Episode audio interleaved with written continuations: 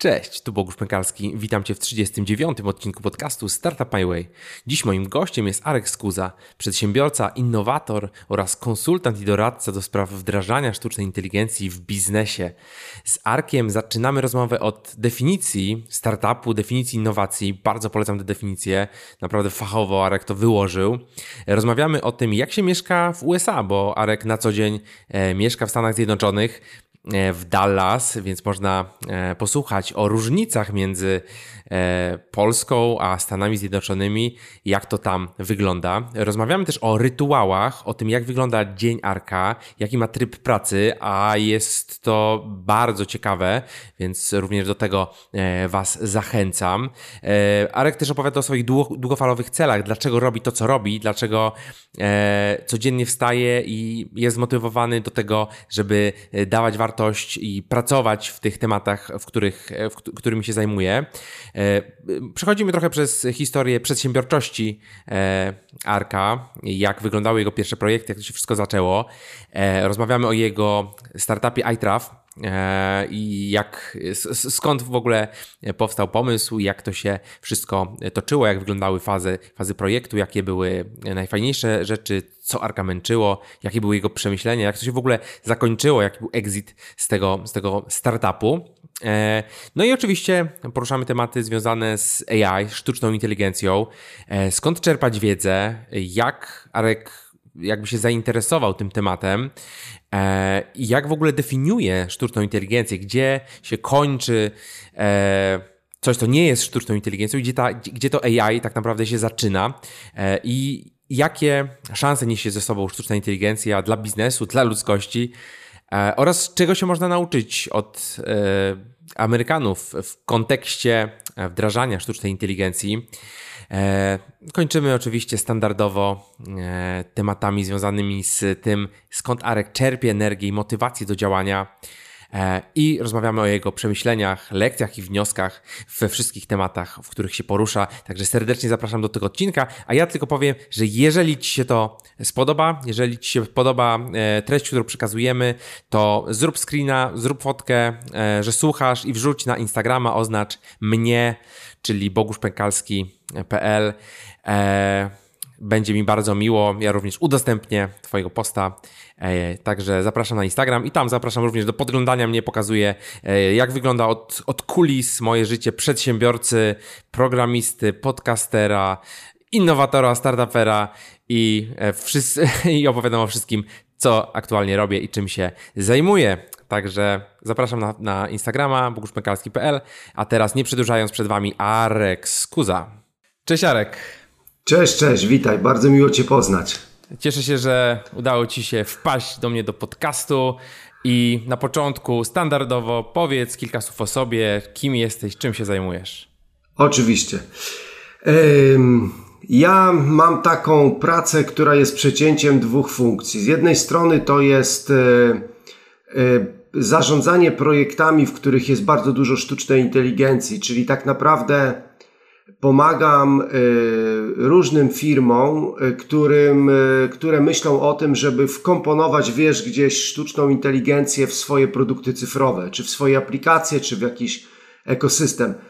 A z drugiej strony troszeczkę jestem takim doradcą, konsultantem na początku szczególnie tych projektów, no, bo sztuczna inteligencja jest czymś nowym i często ludzie nie wiedzą, firmy nie wiedzą, y, twórcy, wiceprezesi, w którym miejscu, y, że tak powiem, do niej wejść, czyli jak zacząć z nią się oswajać i jak zacząć ją troszeczkę w tych firmach testować. Więc taka jest moja rola. Okej, okay, brzmi, brzmi dumnie, brzmi ciekawie. Myślę, że na pewno poruszymy, poruszymy te tematy sztucznej inteligencji za chwilę. E, ale najpierw chciałem się zapytać, Jaka, bo zajmowałeś się, zajmujesz się startupami, e, zajmowałeś się, prowadziłeś swój startup, o którym też pogadamy. E, jaka jest twoja definicja startupu? Bo to jest bardzo taki grząski grunt i wszyscy mm -hmm. mówią, każdy ma, każdy ma troszeczkę inną definicję i chciałbym mm -hmm. po prostu poznać, jak ty na to patrzysz. No, wiesz co, y, ja odpowiem na to pytanie w taki sposób. Y, jestem zwolennikiem takiej szkoły lean startupowej, którą oczywiście pewnie większość osób ze środowiska zna, bo choćby kojarzy się z książką Erika Risa Lean mhm. Startup, ale Jestem zwolennikiem takiego podejścia, w którym mówi się, że startup stara się znaleźć swój market fit, czyli to ten punkt, w którym jego produkt czy jego usługa, który oferuje, mm, y, spotyka się z popytem.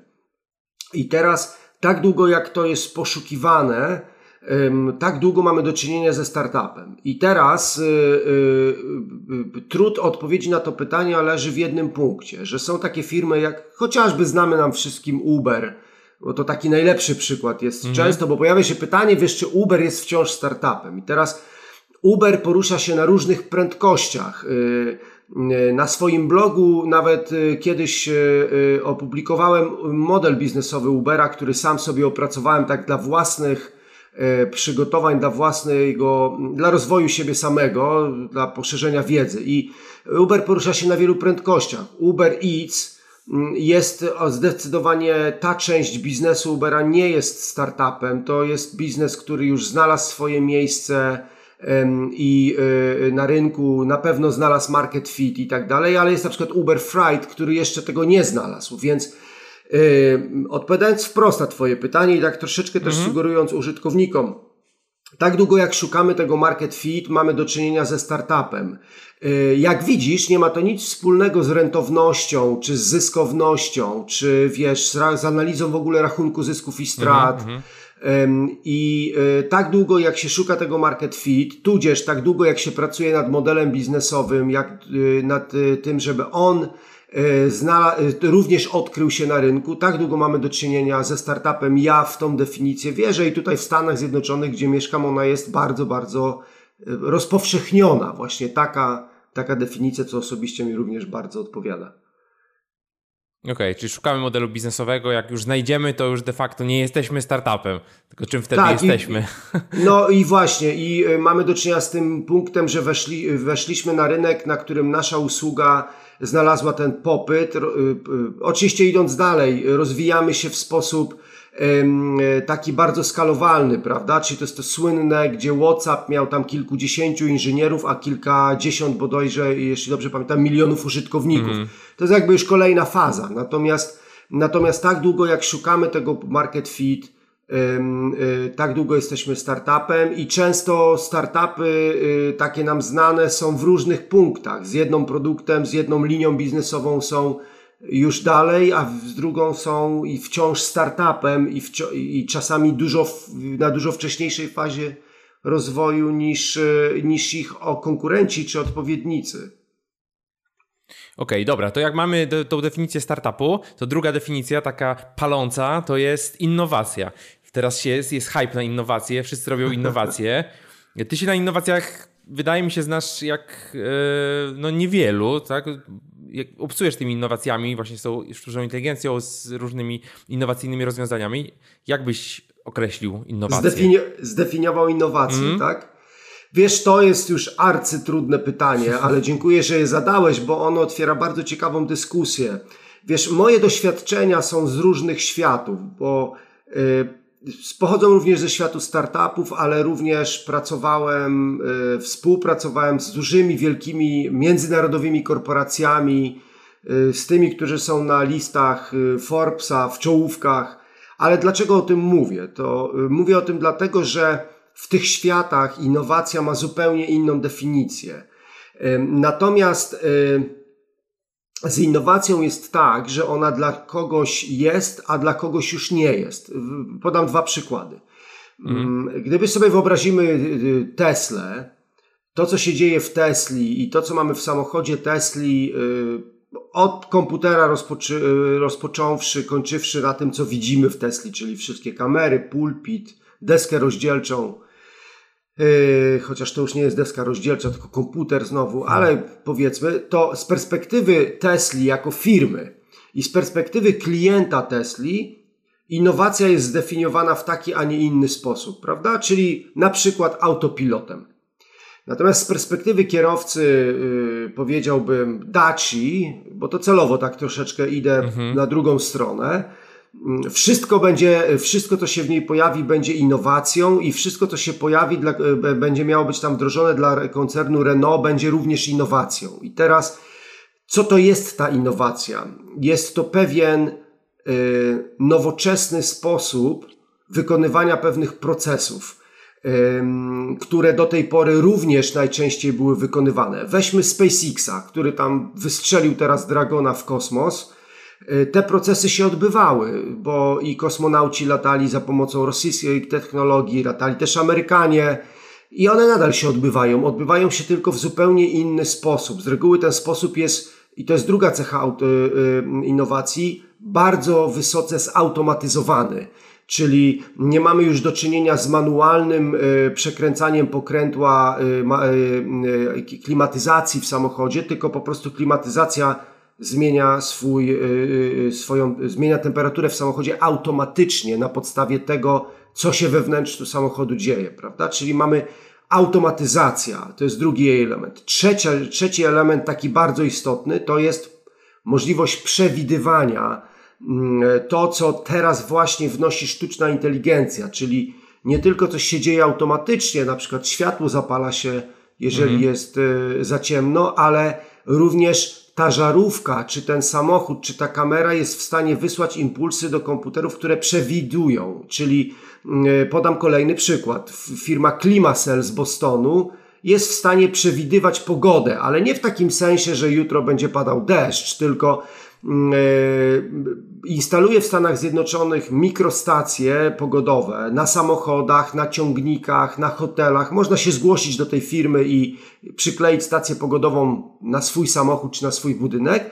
I lecące samoloty w Ameryce dostają impulsy o pogodzie z następnych kwadratów, na które podzielono na przykład Amerykę. I teraz samolot jest w pewnym sensie przewidzieć, w co wlatuje. Wcześniej miał do czynienia z ogólną jakąś tam sytuacją pogodową podawaną mu przez y, y, y, wieże mm, kontrol, kontrolne, jak, jak leciał, prawda? Czyli innowacja jest czymś zupełnie, wykonywaniem starego procesu w zupełnie nowy sposób, automatyczny, jeszcze z możliwością przewidywania. Oczywiście jeszcze dodam, pojawiają się takie innowacje, których teoretycznie wcześniej nie było, czyli iPhone, dotykowy ekran, App Store, ale tak naprawdę, jak się sprawdzi historię tego, co dzisiaj jest masowe, te rzeczy już kiedyś istniały, dlatego jest ten element takiego, tego, tego starego procesu. Pewnie, mhm. gdyby poszukać w medycynie, w healthcare, są takie rzeczy, których nigdy nie robiliśmy i które pewnie pojawiły się po raz pierwszy. Natomiast wtedy już mamy do czynienia z taką innowacją absolutną, powiedziałbym, y, która, y, która powoduje, że pojawia się coś coś nowego, ktoś na przykład zajrzał y, y, na dno oceanu, znalazł nowy gatunek zwierzęcia i na bazie tego zwierzęcia wyprodukował lek na przykład, prawda? No to już mamy wtedy taką, chociaż takich rzeczy pewnie jak się studiuje, jak ja studiuję raport, takich rzeczy jest niewiele, ponieważ one wymagają i szczęścia, i ogromnego nakładu pieniędzy i tak dalej. Dlatego ten element takiego powiedziałbym obecnego już procesu. Tak zdefiniowałbym, wiesz, innowacje. Mhm. No to dziękuję bardzo za taką rozbudowaną wersję tej, e, tej, tej definicji.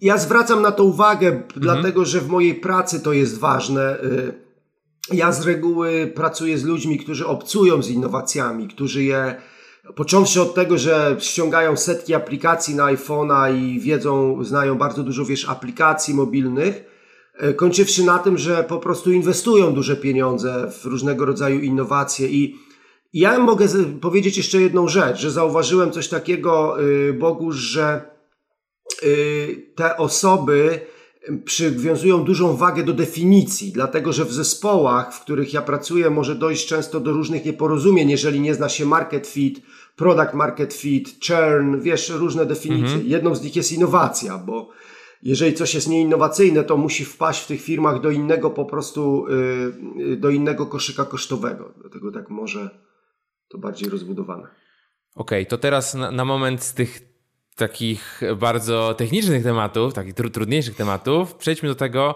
e, jak się w ogóle mieszka w USA, bo nadajesz e, teraz ze Stanów, z Dallas, tak? Tak. Tak, tak, tak, tak. Dallas. Oj, wiesz, to jest pytanie rzeka dla mnie. Ile tam już jesteś? E, teraz już jestem tutaj, trzeci rok biegnie, zacznie mhm. wkrótce, no już jestem koniec, więcej niż dwa lata. Ja ze Stanami mam do czynienia, od, to tak odpowiem na to pytanie, od 2010 roku. nawet dziewiątego powiedziałbym. Pamiętam jak byłem w Dallas, nie było głównych autostrad, nawet mam jakieś takie stare zdjęcia. Więc tą historię z Amerykanami mam już taką długą, ale muszę powiedzieć, że ostatnie trzy lata tak naprawdę, z tego dwa tutaj, to jest już takie głębokie wejście w Stany Zjednoczone. Kilka rzeczy. Amerykanie, bo to ja chcę też, żeby było, chciałbym, żeby to było też przydatne dla Twoich słuchaczy. Y, pierwsza rzecz, Amerykanie są y, narodem, który y, ma do czynienia z bardzo dużym napływem ciągle ludzi tu przyjeżdżających. No takich na przykład jak ja. Więc są nieufni wobec, wobec nowych osób, ale nie w takim sensie, że im nie ufają, że ktoś im coś ukradnie albo zrobi im coś złego. Chodzi o to, że tutaj Ameryka jest taką jakby wielką powiedziałbym, rurą, przez którą płyną narody. I teraz ktoś się zatrzymuje tutaj na chwileczkę i za chwilę może stąd zniknąć, więc robienie biznesu z kimś, kto przyjeżdża, jest y, zawsze obarczone takim znakiem pytania, zapytania, czy on, czy z nim ta relacja ma szansę się zbudować. To jest mhm. pierwszy element, y, więc należy o tym pamiętać, y, że trzeba się otwierać, być transparentnym, tłumaczyć uczciwie, tak jak to między ludźmi nowo poznanymi swoje powody. To jest pierwsza rzecz, jak się mieszka w Ameryce, trzeba w biznesie o tym pamiętać. Druga sprawa jest taka, że Amerykanie y, są narodem niezwykle pragmatycznym i ten pragmatyzm opiera się na numerkach, czyli wszystko jest mierzone. W każdym projekcie są wskaźniki, KPI, metryki, nie ma, wycina się miejsce na subiektywne opinie. To jest jakby taki drugi y, element. Więc biznes amerykański jest inny, jest zupełnie inny i bardzo trudno go zrobić z zewnątrz, zbudować relacje, gdyż Amerykanie, i to jest trzecia rzecz, mają bardzo dużo przykładów wielkich biznesów zbudowanych przez ludzi, którzy są z jednego miasteczka, z, jednego, z jednej ulicy, mają tam lokalny element bardzo głęboko zakorzeniony w, w swojej mentalności, więc robienie czegoś wielkiego przez Skype'a, przez Zooma. Ja oczywiście nie mówię w czasach COVID-a, mhm. bo to jest no już tak. teraz inna sprawa. Natomiast poza tym Ameryka jest bardzo przyjemna, jest bardzo pragmatyczna, mm, wszędzie można się dostać. Wiesz, jak ustawiam Google Maps, że będę tam, gdzie chcę być za 2 godziny 33 minuty, to ja tam jestem za 2 godziny 33 minuty. Naprawdę tak to działa, więc y, jest bardzo mm, pragmatyczna, zorganizowana, wiesz, parki narodowe, miejsca, gdy na przykład my sporo jeździmy odpoczywać w takie miejsca, to są świetna infrastruktura, parkingi, duża przestrzeń, wszystko jest pragmatyczne. Więc jest fajna, jest bardzo fajna. No ja przyznam ci, że mam takie, taki pomysł, żeby sobie troszkę pomieszkać też z rodziną w innych miejscach niż, niż tylko w Polsce. I tak myślę, żeby na przykład sobie na, na pół roku e, gdzieś w Stanach jakiś, jakiś, jakiś dom wynająć i, i po prostu tam pomieszkać, zobaczyć jak to, jak to, się, jak to się robi. E, czy w innych miejscach. Mhm. To co, Dallas, do, dobra miejscówka? Tam te okolice? Texas? Wiesz, y, Teksas... Y bo to jest tak, z perspektywy Europy to Teksas jest taki kowbojsko-egzotyczny, bo ja już się często z takimi opiniami spotykam. Dallas, Teksas to kojarzymy z serialu, z serialu, który w Polsce był promowany. Tak. I, I ta część e, Teksasu taka jest. Taka jest jak w tym mhm. serialu. E, wiesz, tutaj e, w samochodach można zobaczyć ludzi jeżdżących w kowbojskich kapeluszach. Tak to, tak to jest. Natomiast z perspektywy mojego na przykład biznesu, ale nie tylko biznesu. Ameryka, e, Teksas jest bardzo wygodny, ponieważ jest stanem dużym powierzchniowo e, o względnie niskiej gęstości zaludnienia. W związku z czym jest bardzo wygodny od parkingów pod restauracjami, które nigdy nie są zajęte, pod biurami, od możliwości pobycia gdzieś w plenerze w samemu, czy chociaż ja samotności nie szukam, ale takiego powiedziałbym rozstrzelenia tam ludzi są wielkie jeziora, wielkie lasy. Dodatkowo jeszcze y, Teksas jest takim stanem, w którym bardzo dużo się dzieje, ponieważ y, są y, większość firm amerykańskich ma zawsze siedzibę w Nowym Jorku i w Teksasie, więc tu są wszystkie wielkie firmy, więc dzieje się bardzo dużo konferencji, spotkań. Jest takim stanem, powiedziałbym, mało rozreklamowanym, mówiąc tak po polsku, w, w świecie, jako takie miejsce, w którym jest najwięcej y, siedzib y, mm, firm, które są w, w, w tysiącu największych firm Forbesa. One wszystkie mają tutaj siedziby. Z to wynika? To wynika ze struktur podatkowych, jaki ma Teksas. To jest kolejna bardzo fajna rzecz. Podatki tutaj są bardzo niskie, bardzo przyjazne struktury podatkowe. To, co tutaj bym jeszcze polecał, żeby tutaj pomieszkać, to jest oczywiście Teksas ma niesamowicie duże zasoby naturalne w sensie parków. Tutaj się znajduje największy, drugi największy po, e, po Wielkim Kanionie kanion w, w Stanach Zjednoczonych. Niewiele osób o tym wie, ba, niewielu Meksy, Teksy, Teksańczyków o tym wie, yy, bo Teksańczycy są narodem, który mało podróżuje, są przywiązani do swojego stanu, do swojej flagi, kochają to miejsce, więc tam nie potrzebują e, w głębi serca gdzieś szukać yy, wrażeń, mhm. więc na bardzo to polecam, również z perspektywy y, poznania innych kultur, jak, inni, jak Amerykanie myślą, bo są inni niż w książkach, inni niż w filmach. Więc bardzo Cię zachęcam, Bogusz, zrób to. Ciekawa sprawa, ciekawa sprawa, zachęciłeś mnie. e, powiedz mi, e, bo tak robiłem, robiłem research, e, trochę patrzyłem jak, jak ty działasz i zauważyłem, że mm, przykładasz dosyć dużą wagę do takich rytuałów, że masz ten dzień ułożony, że wstajesz bardzo wcześnie. E, jakbyś mógł opisać, jak ten twój dzień taki idealny wygląda? Y, okej, okay. bardzo to, w ogóle ty zrobiłeś niesamowity research na mój temat, więc jak przeczytałem listę pytań, którą, o którą zapytałeś, to po prostu jestem pod wielkim wrażeniem Twojej pracy. Także naprawdę profesjonalizm Dzięki. i szacunek z mojej strony dla Twojej pracy. No, jakbyś był w Polsce, to byśmy się widzieli, widzieli tam z tyłu za mną tutaj. E, Pięknie to wygląda. Na pewno Cię odwiedzę. Jak przyjadę kiedyś, na pewno Cię Super. odwiedzę. E, wiesz co, e, tak, ja mam zaplanowany każdy dzień. Mm, to wynika z moich potrzeb e, takich osobistych, e, wynikających z faktu, że e, nie lubię się organizować w ciągu dnia i bo zdaję sobie sprawę, że mam jakiś pokład energii w sobie na dany dzień. Tak trochę myślę jak bateria w telefonie, że mam 100% i na jakie zadania czy na jakie rzeczy to wiesz porozdzielam i mhm. E, a nie, nie, nie, nie zakładam, że w ciągu dnia będę się ładował, czyli spał, czyli drze, udzielał drzemek, ponieważ mam też dwójkę synów i e, po prostu ze wszystkich chcę spędzać maksymalną ilość czasu tam, gdzie mi jest to dla mnie osobiście ważne lub ważne jest dla ludzi, z którymi pracuję. Tak, ja wstaję bardzo wcześnie, jak tak ludzie powiedzieli, że bardzo wcześnie, chociaż wszystko jest relatywne, ponieważ wiele osób wstaje wcześniej ode mnie, ale ja wstaję tak w granicach godziny 4.30, 4.45 od razu, bo wiem, że ludzie często pytają, jak ty to robisz? To ja szybciutko powiem, że kładę się spać o 22, bo to nie jest tak, że śpię tam 3 godziny, te 6 godzin, 6 godzin i pół, 3.30 y, muszę przespać. Plus druga sprawa jest taka, że yy, wieczorami, nie, najpóźniej o 7 wieczorem spożywam ostatni posiłek, tak żeby to już później tak tej energii zabrakło, żeby jak się przyłoży głowę do poduszki, żeby od razu zasnąć.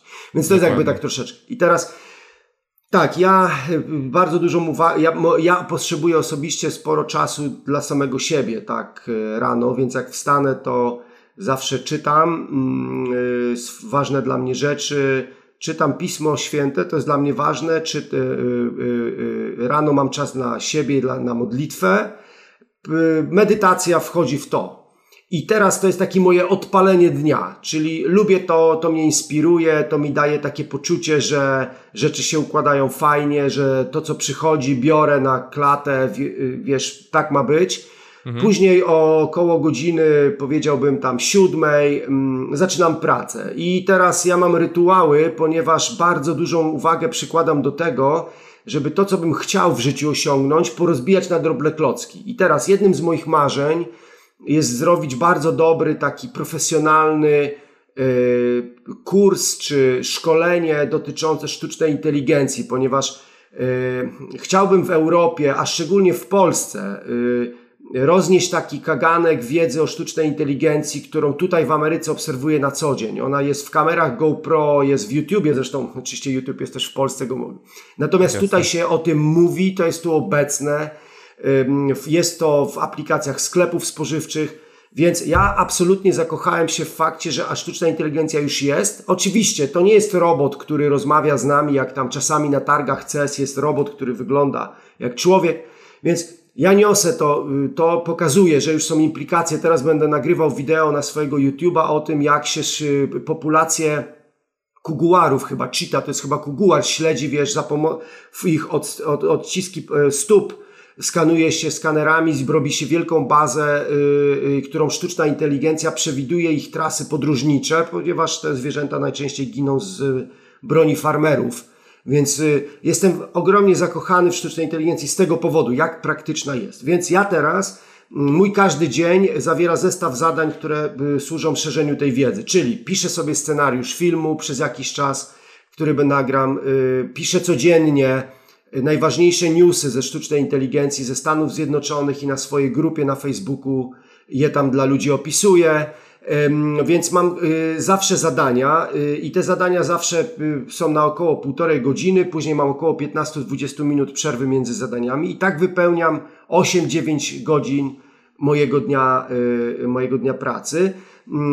I drugim oczywiście moim marzeniem są moje projekty, które robię. One też mam porozbijane je na drobne zadania, czynności wpisane do kalendarzy, więc idę krok po krok, korzystam z takich narzędzi jak na przykład znane techniki pomidora, włączam mhm. sobie tam 25 czy 30 minut, żebym był w 100% skupiony i tak się y, przemieszczam do około godziny i właśnie. I teraz, ponieważ mamy taki czas, że dzieci są w domu, to też może być dla ludzi y, ciekawe mm, i, by, i była szkoła, y, to mamy z żoną takie zasady, że albo ja pracuję od godziny 6 do 14, czyli te 8-9 godzin i później zajmuję się dziećmi, albo od 14 do 22.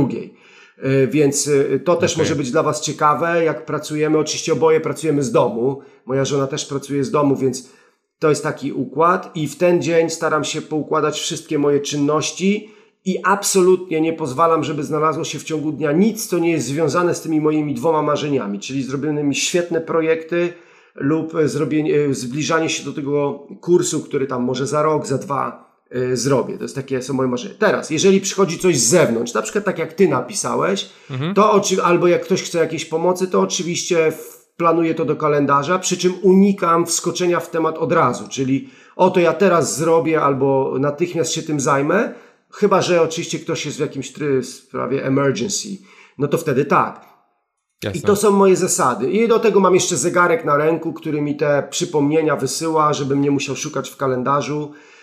E, stały zestaw ciuchów, co mi też pomaga po prostu szybko, nie tracę czasu na to i to wszystko się po prostu kręci i, i tak jest. I raz w tygodniu znikam, wczoraj był taki dzień, znikamy na cały dzień nad jeziora, w parki, nie używam wtedy komórki, a tam może malutko, po prostu taki reset na łonie natury, powrót i od nowa te same rzeczy i tak cały czas. A masz jakiś taki reżim dotyczący E, z jednej strony jedzenia, e, a z drugiej strony jakiegoś sportu? Czy to też jest tak, w Twoim tak. grafiku? Tak, tak. Bardzo fajnie, że mnie zapisałeś, zapytałeś, bo to jest jedna z moich czynności. E, dwie właściwie, tak. Oczywiście, jedzenie to jest zawsze ósma, dwunasta, szesnasta i dziewiętnasta. To są zawsze stałe pory. Hmm. To mogę jeszcze podpowiedzieć, że u nas staramy się tak mieć, żeby to jedzenie przygotowywać wcześniej, czyli żeby już później jak się taki reżim chce utrzymać, to żeby tylko, jak to się mówi po polsku, odgrzać. Mhm. Więc to jest, y, to jest tak. I sport tak, codziennie, y, codziennie y, minimum godzina. I to jest albo spacer, taki i dość taki powiedziałbym marszobieg, mówiąc również po polsku, albo godzina na siłowni, taka wzmacniająca mm, cały organizm, bo oczywiście teraz więcej się siedzi, więcej się przebywa pozycji siedzącej, więc, y, y, więc tak, te dwie rzeczy również się dzieją, też są zaplanowane. Wiadomo, że zdarzają się takie dni, w których to się przesunie. To, to, to nie, nie, nie walczę tak z krwią na zębach, żeby zawsze to tak było, ale 90% tygodnia wygląda bardzo podobnie. No to bardzo fajnie, bardzo fajnie. A mierzysz jakoś to, na przykład oraringiem, tak jak, tak jak ja? No właśnie widziałem, że masz, świetne. Dodam, że teraz gracze NBA w Ameryce mają mieć takie na rękach yy, i mają brzęczeć, jeżeli fani, obsługa albo, yy, albo wszyscy ci, którzy nie należą do boiska, yy, zbliżą się za blisko do koszykarza. Wczoraj rozważa się coś takiego, więc... Tak, e, tak, czytałem w twoim newsletterze e, i też, że badania pokazały, że z 90% dokładnością e, jesteśmy w stanie przewidzieć, czy Oraring jest w stanie pokazać nam symptomy covid 3 dni przed faktyczną chorobą. Tak, a, jest... a, ja mam do ciebie pytanie, bo roz, rozważam zakup takiego urządzenia, bo korzystam mm z Apple Watcha. Yy, nie, no nie do tego, co twoje urządzenie. Jak wykorzystujesz? Bo sen to jest jedno, ale gdzie jeszcze? E, wiesz co, no sen, HRV, ogólnie ten poziom przygotowania do życia, tak? Czyli wstaję i patrzę jak, no i też patrzę jak wpływają różne rzeczy na, na moje, y, czyli tam resting heart rate, właśnie okay. to HRV, sen, y, i do, do, do, po prostu widać czarno na białym. Czarno na białym okay. widać, że jak się, jak wypiję, nie wiem, dwa trzy kieliszki wina wieczorem, to automatycznie mi spada wszystko rano, tak? Albo jak zjem A. później, to, to no, po prostu widzę czarno na białym. Jak zjem ostatni posiłek na przykład o 18, i, i tyle, i potem się napiję, nie wiem, jakiejś mięty czy, czy wody, y, no to rano wstaję i te parametry mam po prostu tak. Okej, okay, okej. Okay. Okay. Bardzo fajnie jest to, jest to w stanie mierzyć. No i poza tym jakiś y, aktywność sportową, kroki, to wszystko. Masz to jesteśmy w stanie. W tym. Tak. tak. A, okej, okay, to bardzo ciekawe. To dziękuję za, za podpowiedź. Y, gdzieś tam wpadłem ostatnio na to urządzenie i tak y, sobie chwilę poczytałem. Ja korzystam z Apple Watch akurat y, i z klasycznych, standardowych aplikacji, tam, które są wbudowane. Staram się tam oczywiście wychodzić czy wybiegać te, te możliwości, ale generalnie tak się skupiam więcej na spalaniu określonej ilości kalorii, czyli te poziomy tam oczywiście Apple Watch mierzy i później ci podpowiada, jak to powinieneś zaatakować, okay. więc to jest moje takie jedyne źródło y, y, pomiaru. Dobra, cofnijmy się teraz do Arka z młodości. Jak się zaczęła Twoja przy, przygoda z przedsiębiorczością? Ty w ogóle pracowałeś normalnie, etatowo, czy, czy od razu odpalałeś swoje firmy? Jak to wyglądało? Yy, to jest bardzo dla mnie przyjemne pytanie, ponieważ, yy, ponieważ ja to wspominam niesamowicie fajnie. Yy, moja, ja nigdy nie pracowałem na ani jeden dzień na umowę o pracę, aczkolwiek otarłem się o duże firmy. A tak naprawdę o jedną. Otarłem się, y, no może o dwie. Y, pierwszą taką moją firmą, y, o którą się otarłem, to był Komarch. I to wspominam bardzo, bardzo fajnie, ponieważ moim szefem przez prawie dwa miesiące był sam profesor Filipiak. I y, mieliśmy taką, taką pracę, w której lataliśmy do Moskwy do Rosji. O, e, Tam Komarch miał swojego czasu wielki biznes e, z firmami leasingowymi. Dostarczał taki system, pamiętam, Egeria Leasing. I ten system był wdrożony tam na przykład w Scani Finance, w Iveco, w takich firmach, które finansowały zakupy sprzętu. Mhm. Leasingowały tak naprawdę. No i to jest świetny czas, ponieważ ja go spędziłem z profesorem Filipiakiem i znam dwie historie y, od profesora Filipiaka, ja je powiem. Pierwsza to jest taka, w której profesor Filipiak mi powiedział, że w życiu nie można być nadaktywnym. E, bo powiedział, że jak jest człowiek jest nadaktywny, to ściąga na siebie bardzo dużo kłopotów. I, i to była taka dla mnie pierwsza fajna rzecz. Druga rzecz, pamiętam, mm, jak profesor Filipiak e, zmieniał swojego Mercedesa S-klasę na Bentleya. Ja pamiętam ten proces, jak on to rozważał, jak opowiadał o tym. I jak już się spotkaliśmy i on przyjechał tym Bentleyem, ja mówię do niego, panie profesorze, ale ma pan świetny samochód. A on tak na mnie popatrzył i mówi do mnie, różnica między mną a tobą polega na tym, że jak się na mnie wkurzysz, y, to sobie po prostu się odwrócisz, trzaśniesz drzwiami i pójdziesz robić swoje rzeczy. A ja zostanę w tej firmie do końca życia. I pamiętam, rozmawialiśmy na parkingu przy Alejach y, Niepodległości w Krakowie, tam gdzie są budynki y, Komarchu. I to była moja pierwsza przygoda. Ja z tym Komarchem się y, rozstałem, ponieważ jakoś nie mogłem się tam odnaleźć. Fajnie było bardzo, ale jakoś tak nie mogłem się odnaleźć. No i to była moja taka pierwsza praca. Wcześniej tam gdzieś jakieś miałem praktyki w dużych firmach ale była taka pierwsza praca i pierwsze zrozumienie, czym jest przedsiębiorczość tak naprawdę, mm, że jest y, czymś na lata, że tego się nie da zrobić na chwilę, y, że to później wiele rzeczy od ciebie zależy. Jesteś troszkę nie, nie, do zastąpienia jako prezes, wiceprezes, bo oczywiście poznałem wszystkich wiceprezesów Komarchu, ponieważ z profesorem pracowaliśmy blisko przez te dwa miesiące, naprawdę blisko. E, I, e, I to są takie, wiesz, rzeczy, więc to jest taki mój pierwszy moment. A nie pracowałem nigdy na umowę o pracę, ponieważ jako pierwsza osoba w Komarchu byłem zatrudniony na umowę firma firma, dlatego, że Komarch był w specjalnej strefie ekonomicznej i podatkowo y, mi się to bardzo opłacało, a profesor nie wymagał ode mnie y, takiej pracy jak na etacie, że codziennie muszę być przez 8 godzin czy tam 9 w biurze, tylko ustaliliśmy sobie to elastycznie, więc to jest taka moja pierwsza przygoda. No tak, no i nie, no ja, ja de facto też nie pracowałem nigdy na umowie o pracę. A, widzisz. zawsze, zawsze jakaś działalność, znaczy no jakaś umowa o dzieło kiedyś. Jakaś, no. Da, da, tak, tak, także y, dzisiaj to już jest takie, wiesz, jak sobie Bogusz rozmawiamy, to jest popularne, bo y, tak. ludzie mają, ale wtedy to były, ja mówię o roku 2003, to były, mhm. to były po prostu kosmiczne rzeczy, no jak umowę o pracę, to przecież zwolnienia, tu masz okres ochronny, wypowiedzenie, a jakoś tak się to układało i do dzisiaj tak jest. No teraz się to odbiło trochę czkawką niektórym, bo się okazało, że na innych umowach niż umowa o pracę e, nie dostajemy teraz w tych w czasach e, COVID-u. No nagle ktoś musi z tymi dziećmi zostać, a e, po prostu bez umowy o pracę, no nie, pracodawca nie wypłaca ci wtedy kasy. I tak. chyba, że no jeżeli pracujesz zdalnie, to, to jest ok. Chociaż tam też były, były dosyć duże problemy, bo firmy też obcinały pensje, e, albo bardzo, bardzo trzeba było się rozliczać za z każdej minuty. Słyszałem o takich opcjach, że po prostu firma nie była przyzwyczajona do pracy zdalnej, więc stwierdziła, że będzie minutę e, po minucie rozliczać tych pracowników bo jeżeli nie, to automatycznie wysyła ich na przymusowy urlop, jeżeli tak, no taka nieufność wobec pracowników. O kurczę, to ciekawe, to, tego nie tak słyszałem. To już taki tak, tak. skrajny, ale realny przykład. Tak, e, okej, okay, dobra, czyli, czyli zacząłeś od Komarchu e, i co, już później e, A, na własną rękę?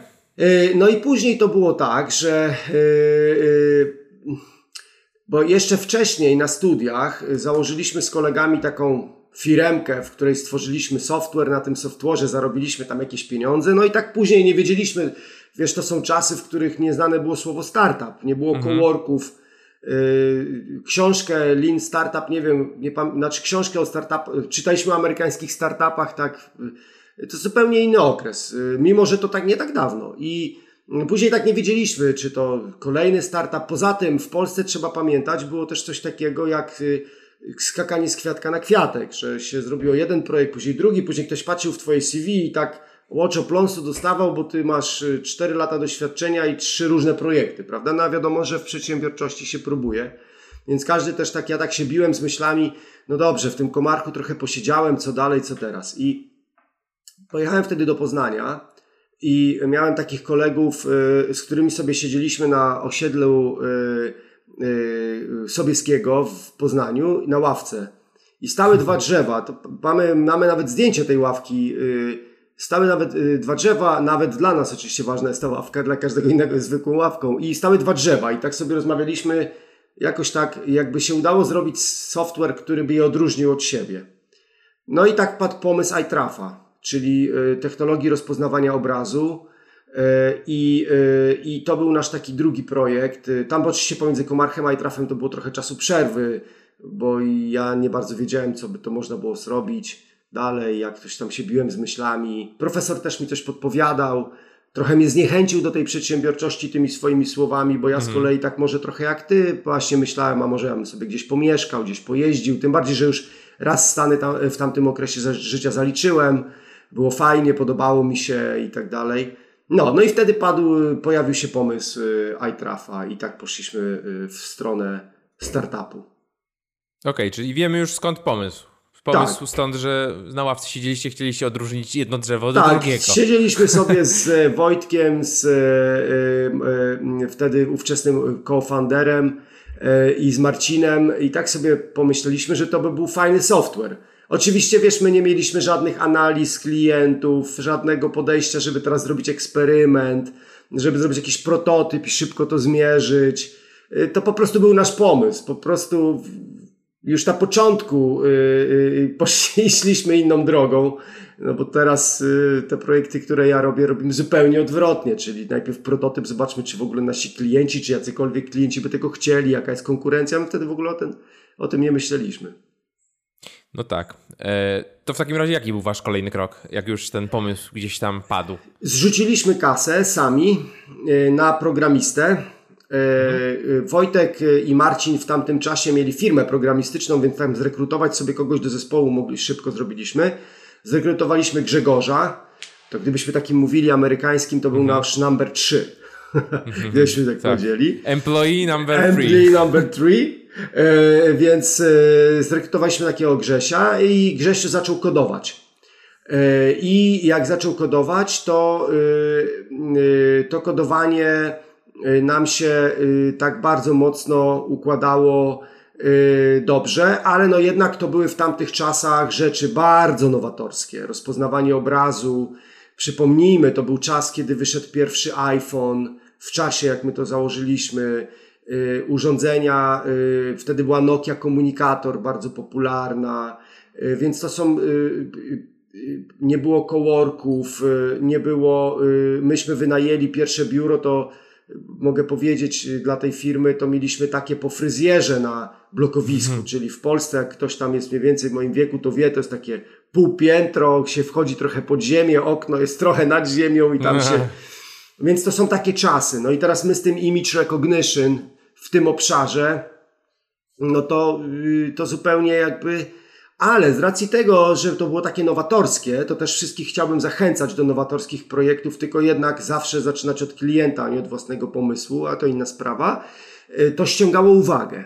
I ściągnęliśmy uwagę naukowców z Politechniki Poznańskiej, którzy y, do tego naszego programisty, do tego naszego małego pomysłu się troszeczkę przyczynili bo zaczęli nam pomagać. No czym? No różnymi opracowaniami naukowymi, papierami, które inwes- y, y, y, międzynaro- przepraszam, międzynarodowe uniwersytety publikowały i tak dalej, i tak dalej, i tak dalej. I teraz y, mieliśmy szczęście, że y, napotkaliśmy na profesora z Kanady, który miał, wtedy wiesz, open source był czymś takim w ogóle nieznanym. Y, albo bardzo mało znanym, powiedziałbym tak, może w naszym świecie. I ten człowiek nas naprowadził na własną bibliotekę testową rozpoznawania obrazu, a już nie pamiętam kto, ktoś z Polski nam y, dostarczył bazę kilkuset książek, okładek książek. To był nas taki pierwszy prototyp doświadczalny, gdzie mieliśmy jakąś technologię. Ten profesor pozwolił nam z tej technologii skorzystać. Oczywiście musieliśmy tam w kodzie wpisać, że to jest jego, a mm, te, te zdjęcia pozwalały nam się nauczyć rozpoznawania. No i to był taki start. I jak zrobiliśmy pierwszy prototyp i go zaprezentowaliśmy y, inwestorowi, oczywiście wiesz, ten prototyp wyglądał w ten sposób, że były trzy komputery, dwa stare telefony, wszystko kablami popodłączane, tak trochę to, to w ogóle inne czasy, chociaż nie tak dalekie, to też pokazuje, jaki jest postęp na świecie.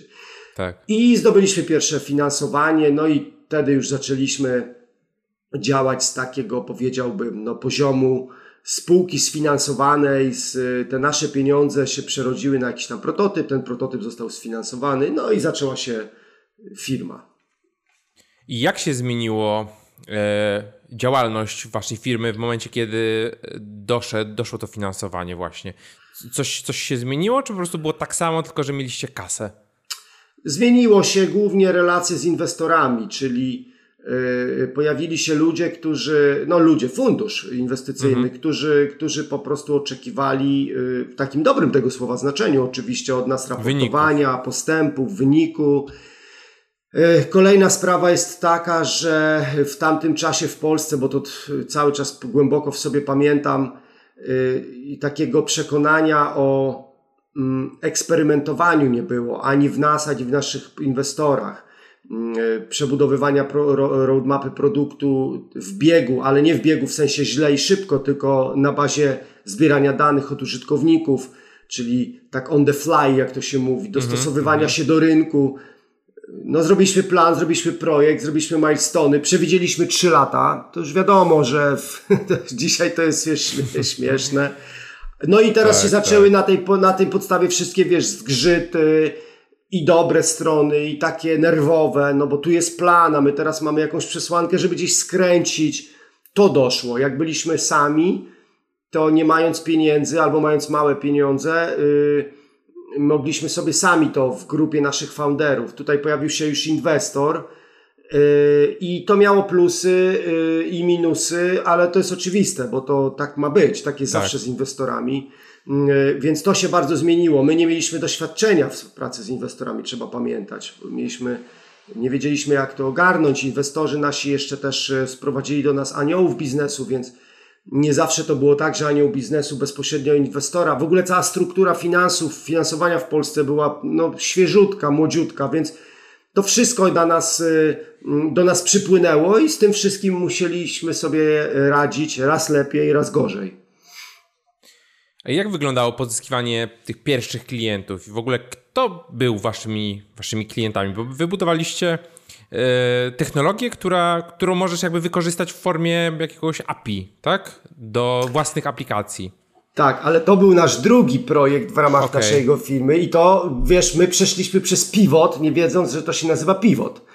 Grzegorz Marczak, y, który jest przecież redaktorem i twórcą antyweb.pl, przyczynił się bardzo do tego pivotu y, y, w, w ramach takiego konkursu, ale to może później o tym opowiem, jeżeli będzie mhm. czas. Natomiast odpowiadając na Twoje pytanie, myśmy stworzyli najpierw aplikację SaveUp. Aplikacja SaveUp u swoich podstaw miała takie założenie, że można było zrobić zdjęcie książki, gry komputerowej, płyty CD. Wtedy były płyty CD. Y, jeszcze y, nie było przecież muzyki on demand. Y, I sprawdzić cenę. Czyli nie kod kreskowy, tylko, tylko okładkę. I teraz czyli naszym klientem był każdy, kto korzysta z tego typu produktów, czyli głównie to byli wtedy znowu klienci Merlina na przykład, którego chyba tak. już dzisiaj nawet nie ma. Nawet wczoraj z żoną. Klienci Empiku. Czyli, czyli teraz tak, klienci Empiku. I teraz myśmy podłączali dziesiątki, jeśli nie setki sklepików, do których ten ruch kierowaliśmy, czyli Y, to, co robi dokładnie dzisiaj Amazon, oczywiście na kosmicznie wielką skalę, czyli zrób sobie zdjęcie czegoś, co widzisz, my ci powiemy, gdzie to najlepiej kupić, prawda? I to była aplikacja SaveUp, którą opisała kiedyś bardzo szeroko Gazeta Wyborcza z prostego powodu, ponieważ jej pierwsza wersja zupełnie nie działała. Więc my, wydając aplikację, y, robiliśmy dokładnie to, co robią amerykańskie startupy, testując rynek, czy co ludzie o tym mówią, co prasa napisze, bo my wiedzieliśmy, że ta aplikacja nie działa, y, a akurat redaktor to odkrył i opisał i dał nam po plecach. Tylko nie, nie umieliśmy tego zapiąć w proces lean experimentation na przykład. Po prostu po omacku się poruszaliśmy.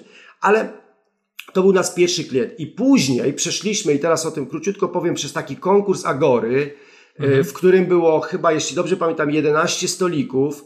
Przy każdym stoliku było po czterech mentorów i my wygraliśmy cały konkurs Agory. Dostaliśmy chyba wtedy 100 czy 200 tysięcy złotych save-upem, ale wchodząc do pokoju mieliśmy save-upa, wyszliśmy z pomysłem na API. Wszyscy nam hmm. odmawiali tego save-upa, mimo też, że przyznano nam nagrodę, y, to powiedziano nam, że save-up nie ma szans. I ja po prostu z Rafałem, y, który był też w naszym zespole, takiego mieliśmy człowieka od marketingu elektronicznego, y, wyszliśmy po prostu załamani, bo z jednej strony dostaliśmy 200 tysięcy złotych y, nagrody, czy tam 100, a z drugiej strony po prostu powiedziano nam, że nasz biznes nie ma sensu. I, i to jest, wiesz, ten roller coaster, który teraz w moich projektach jest. Jak pomagam dużym firmom, czy w otworzeniu nowych produktów i tak dalej, to mam świadomość, że też będziemy przez to przechodzić, a o tym nie chcę się słyszeć, że za chwilę może ci się o 180 stopni wszystko zmienić. I to naszymi klientami, tak jak słusznie zauważyłeś, i my poszliśmy w to API. Zbudowaliśmy tak, tą API, tak. udostępniliśmy naszą technologię w formie SDK, zbudowaliśmy dokumentację. E, I e, wtedy naszymi klientami stały się firmy i pracowaliśmy dla BlackBerry, dla Coca-Coli, dla Unilevera, przepraszam. I oni płacili miesięcznie jakiś abonament, czegoś licencję tak. jednorazową? Tak. Był model od y, taki base model, nie pamiętam ile on już miał, chyba 1000 euro. I mhm. był uzależniony od ilości kliknięć, czyli jeżeli w okay. ich aplikacjach ludzie robili zdjęcia i przekraczali pewien poziom zapytań do naszego API, to wtedy już braliśmy pieniądze za każde zapytanie, tam chyba kilkanaście euro, kilka eurocentów, jeśli, jeśli dobrze pamiętam. I prze, przerobiliśmy się na API. Okej, okay, czyli teraz generalnie e, zbudowaliśmy cię usługę, która teraz jest oferowana przez każdą chmurę praktycznie, nie? Tak, i to jest Przed właśnie, chmurą. tak, i to jest, e, ja jeszcze powiem taką historię, która nas spotkała, bo my przyjechaliśmy też po kapitał do Krzemowej Doliny i tutaj spotkaliśmy się z szefem BMW Ventures, które pracowało nad technologią do samochodów BMW rozpoznającą logotypy e, i my byliśmy bardzo dobrzy w logotypach i on nam właśnie powiedział, że nasza ścieżka do, yy, yy, nasza ścieżka to jest tylko rozwój technologii, czyli potwierdził tak naprawdę to, co się stało wtedy w Agorze. I powiedział, jak zbudujecie świetną technologię, yy, to będziecie jakby tych API, tych zapytań, tego wszystkiego mieli bardzo dużo. Także, a dzisiaj dostajesz to w y, Amazonie za kilkaset dolarów rocznie, tak, na co myśmy tak Wiesz, także tak, Landscape się bardzo zmienił, bardzo zmienił. E, ale tak jak właśnie mówiłeś, że uruchomiliście, uruchomiliście tą pierwszą wersję aplikacji i ona zupełnie nie działała, e, to ja teraz jestem w trakcie słuchania książki o historii Netflixa, tak? E, This will never work, czy coś takiego, tak się nazywa. I tam pierwsza wersja Netflixa, czyli strony de facto do kupowania i wypożyczania płyt DVD, w tych latach, tam pod koniec 90. lat, działała pierwsza wersja po lunchu, do których się przygotowywali, nie wiem, rok czy, więcej, działa 15 minut. Tak? Po 15 minut, po 15 minut był totalny crash, tak? Bo mieli, wtedy serwer się trzymał pod biurkiem i stwierdzili, że dwa im wystarczą. Okazało się, że nie. No właśnie. Więc no to właśnie. dobre historie. No to właśnie. dobre historie. Wiesz, więc y, to jest też takie doświadczenie niesamowite. Ja jestem wdzięczny, wiesz, inwestorom, że nam się to, bo to zostaje w człowieku na całe życie. Mm, ja teraz jak widzę projekt, którym pracuję, że on się wywraca, to yy, nie przejmuje mnie to zupełnie. Wręcz jeżeli się wywraca z powodu klienta, bo klient albo coś zrobił i nam projekt wywrócił, albo zaczął narzekać, to uważam, że to jest bardzo dobre. Mm, I, I to jest bardzo dobre, bardzo fajne to było, świetne doświadczenie. No myślę, że w jakimś sensie nas wszystkich ukształtowało pod kątem myślenia już na całe życie. Y, pod kątem myślenia projektowego, o, o biznesie, o nowych projektach, produktach i tak dalej. Powiedz mi, co było fajne w tym projekcie, co było najfajniejsze dla ciebie, y, a co było takie, co cię nie, niekoniecznie kręciło i było, nie, czego nie chciałeś robić? Mhm. Fajne było to, y, że iTraf nam dostarczył bardzo dużo miłych punktów. My byliśmy, my napis, napisaliśmy post na bloga, który zadziornie, bez żadnego szacunku, oczernił Allegro, które wprowadziło wtedy technologię rozpoznawania obrazu i tak zwanym interfejsem białkowym, czyli posadziło kilka osób u siebie w biurze i myśmy to przetestowali. Pamiętam Wojtek, mój co-founder, y, budował wtedy dom i zrobił zdjęcie okna wprawionego w dom i wysłał to do Allegro i dostał wyniki po trzech dniach. I na tej podstawie pojawił się post, w którym że, y, po prostu zadziornie zaderliśmy z tym Allegro i, yy, i to były takie momenty, bo ja dlaczego o tym mówię, że myśmy się czuli świetnie dobrze w tym. Byliśmy mm. doskonali, aż nam po prostu pycha do głowy uderzyła z tego powodu, bo myśmy tak samo oczernili, yy, zaatakowali dwóch yy, międzynarodowych graczy i naprawdę mieliśmy świetne, dobre API i zostaliśmy zaproszeni do Apple'a. Niewiele osób o tym wie E,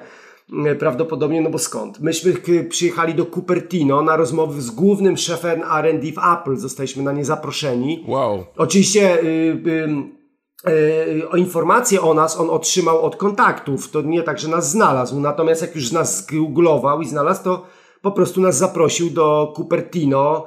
Ja powiem, że jak to wyglądało, króciutko bardzo. Weszliśmy w Cupertino do wielkiego, wtedy żył Steve Jobs, był pierwszy App Store znaczy, yy, tak, Apple, Apple Store, myśmy byli z no boku tak, w tak, tym tak. sklepie, więc to kosmos, jak to wyglądało i przy wejściu do Cupertino staliśmy takie y, NDA podpisane, że albo podpisujemy, że wszystko, co zobaczymy za tą bramką zostaje w naszych głowach, albo po prostu nie ma spotkania, więc wiesz, to takie rzeczy przeżywaliśmy i to było piękne.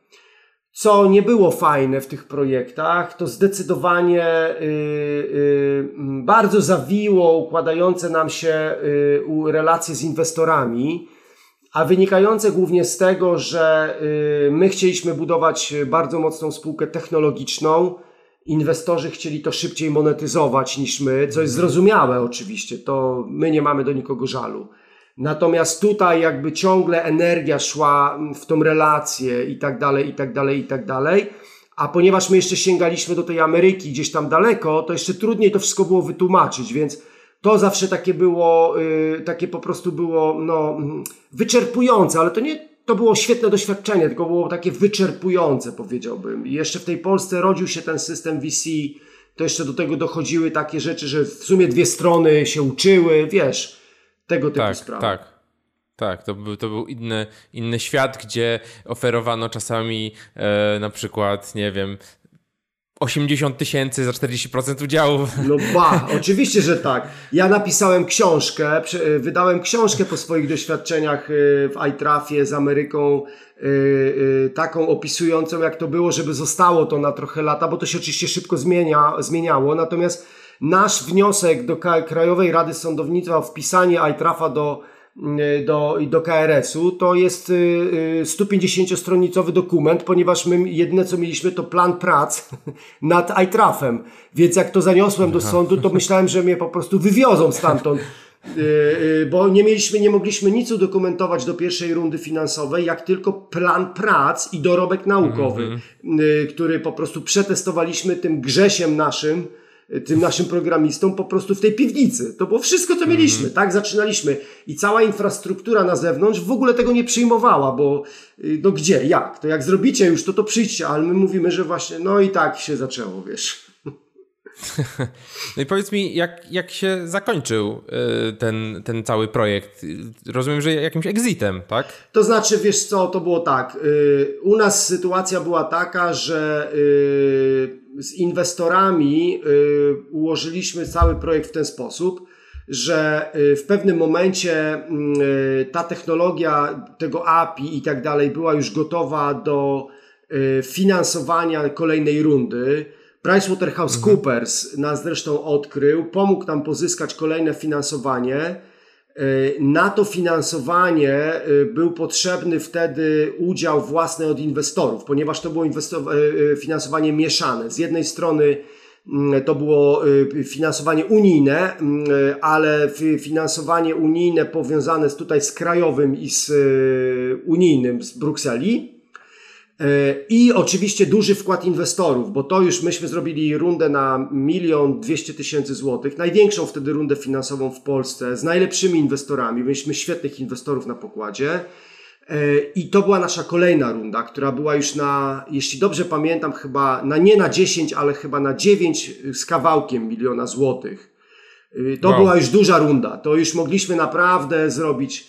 No i niestety nie pozyskaliśmy tego wkładu własnego.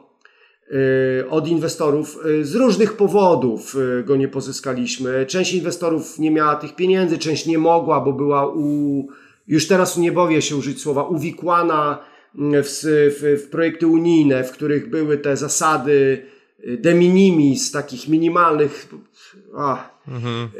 No i teraz zostaliśmy z tym produktem, więc umówiliśmy się w ten sposób, że ja wys, sprzedałem większość swoich udziałów, powołaliśmy nowego prezesa. Ja już ja nie chciałem spółki rozwijać w oparciu o taki malutki kapitał, ponieważ miałem świadomość, że nie utrzymam tempa na arenie międzynarodowej, a chciałem tą spółkę sprzedać do amerykańskich firm, wielkich firm. I y, to był tak.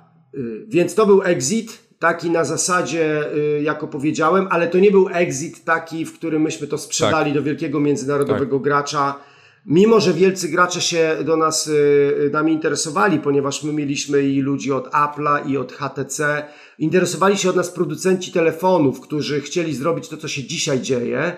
Zresztą, jeśli jeszcze powiem o Apple'u, y, do, w Apple'u została przejęta, przejęta równolegle z nami, jak mieliśmy my być na, na pipeline'ie, y, firma Polar Rose, która była szwedzko-polskim konsorcjum i dzisiaj jest odpowiedzialna za rozpoznawanie twarzy w iPhone'ach. Między innymi ten komponent. To można zgooglować. Polar Rose, jak ktoś jest zainteresowany, został kupiony, miał development w Polsce i my, ja tą ścieżkę odkryłem przez Mortena Lunda, tam współtwórcy Skype'a z pierwszych, czy byliśmy u niego w Danii, w Kopenhadze i on nam to podpowiedział. Idźcie ścieżką Polar Rose Później nam potwierdził to BMW Ventures. I to była ścieżka rozwoju technologii i sprzedania jej do dużego gracza. No niestety nie pozyskaliśmy tego kapitału przez brak środków własnych, których nasi właśnie, inwestor, właśnie inwestorzy nam nie dali. Myśmy nie mieli takich pieniędzy, bo to było, trzeba było zgromadzić trochę ponad milion złotych w gotówce. Mm. Na koncie, tam oczywiście można było grać gwarancjami bankowymi, no ale i tak te pieniądze trzeba było mieć. I tak troszeczkę się wysprzedaliśmy z udziałów i troszeczkę ta spółka została i inwestorzy już ją później wzięli i poprowadzili sami. Okej, okay, okej. Okay. E, to powiedz mi w takim razie, jakie takie, jakie, jakie masz przemyślenia po iTrafie i jakie lekcje wyciągnąłeś, jakie wnioski e, po, po, po tej całej przygodzie? Tu masz? będę brutalny, y, ponieważ y, y, dostałem totalnego odrzucenia do kapitału publicznego. E, zupełnie, jakby y, nie wierzę w nic, co robi PFR dzisiaj i tak dalej, że to może mhm. być wielkie. E, z prostej przyczyny, e, ponieważ w tych, w tych, to nie dlatego, że PFR, czy ówczesny PARP, czy ówczesny Narodowy Centrum, nie, nie Narodowe Centrum Badań i Rozwoju, tylko Państwowy Fundusz Kapitałowy był taki mhm. też, który finansował. Nie ma tam miejsca na pivoty. Tam nie ma miejsca na szybkie zmiany harmonogramów, na szybkie zmiany roadmap. Tam się trzeba ze wszystkiego wytłumaczyć, rozliczyć, e, dowieść to na papierze. Ja pamiętam historię, gdzie myśmy e, odebrali od ery GSM iPhone'a za pomocą listu przewozowego i nam zmieniono harmonogram e, i zwrot środków własnych inwestorzy dostali półtora roku więcej przez coś takiego. Oczywiście dzisiaj to się zmieniło, natomiast to nadal w swojej strukturze takie jest, więc mm, ja, y, lekcja taka negatywna bardzo to jest kapitał publiczny. Ja dzisiaj y, y, jestem jego krytykiem. Mm, on zablokował świetny kapitał prywatny w Polsce, który mógł się uaktywnić i wierzę w ogóle w wartość prywatną, więc to jest jakby pierwsza lekcja. Druga lekcja jest taka, że trzeba otwierać swoje firmy i trzeba to robić seryjnie i odpowiedzialnie, odpowiedzialnie y, sterować to metrykami. Nas nikt nie pchał do sterowania metrykami. Sami się pchaliśmy trochę, ale to nie było wystarczające. Trzeba wszystko mierzyć. Y, długość każdego projektu, koszt każdego projektu, zwrot z każdego projektu, ilość pracy włożonych w dany feature, w daną funkcjonalność. Wszystko trzeba mierzyć tylko w jednym celu. Aby, aby, aby możliwie najszybciej postawić sobie pytanie, czy to nadal warto rozwijać, czy trzeba to zamknąć. I, I mm, ja za długo zwlekałem z zamknięciem SaveUpa. Uważam, że to był mój błąd. E, dzisiaj, bym to, dzisiaj rekomenduję i doradzam moim klientom zamknąć to szybciej. Oczywiście, po tym się robi wielka dyskusja, część ludzi jest niezadowolona, robią się kłótnie, ale trzeba to przejść. To jest jak wycięcie z organizmu czegoś niezdrowego. To musi boleć, ale to trzeba zrobić. I na tej bazie można budować dalej. Więc to jest taka moja druga lekcja. Trzecia lekcja jest taka, że y, inwestorzy mm, mają często inne interesy niż startupy y, i należy te interesy rozpoznać. Należy szczerze o nich rozmawiać. Ja to w swojej książce też opisałem. Y, tak na pamiątkę bardziej, bo to ja nie jestem jakimś tam wielkim autorem książek albo tam bestsellerowcem, natomiast napisałem to i i to jest jakby trzecia lekcja. I czwarta lekcja, y, która jest, y, była dla mnie osobiście dużym wyzwaniem wewnętrznym, y, to jest nastawić się trzeba na massive feedback, na masywny feedback. On boli, on często gryzie w ego, czy tam w ego, czy ktoś jest po prostu skonstruowany. Wielu ludzi z dzieciństwa po prostu przez szkoły jest uszkodzone, ponieważ ten feedback w szkole to był taki ty tam ośle i tyle. Ale to jest nieważne. To jest nieważne, trzeba go brać na klatę, radzić sobie z nim i ten feedback może uratować wiele pieniędzy i mm, y, wiele, y, y, wiele krwi dobrej zatrzymać w organizmie, mimo że może być na początku nieprzyjemny. I piąta rzecz to jest to, co ty powiedziałeś o tym domie i tak dalej. Ja uważam, że w dzisiejszym świecie trzeba drastycznie zmieniać środowiska, czyli przeprowadzać się, wskakiwać w różne grupy, czy na Facebooku, czy na meetupach, funkcjonować w różnych grupach, ponieważ mhm. bardzo łatwo się jest zamknąć w bubble i wydaje tobie się, ja namawiam swoich klientów do nieustannego robienia analiz konkurencji, do nieustannego śledzenia landscape'ów konkurencyjnych, y, żeby się nie zamknąć w bubble, bo można niespodziewanie dostać za drzewa w, y, pałą w głowę i się człowiek po prostu przerazi, jak on myślał, że świetnie mu idzie. A to też jest trochę w kategorii feedbacku. Myśmy tego w ogóle nie robili w iTrafie. Zresztą ja jeszcze później próbowałem otworzyć dwa różne projekty, one w ogóle mi się nie udały. Y, y, I tam już to robiłem, ale nie udało mi się nie dlatego, że poszedłem tak daleko, tylko szybko byłem w stanie podjąć decyzję, że już to zamykam i tego nie robię, ponieważ mam, mam to. Także to, tą analizę i tak dalej. To są takie największe lessons learned.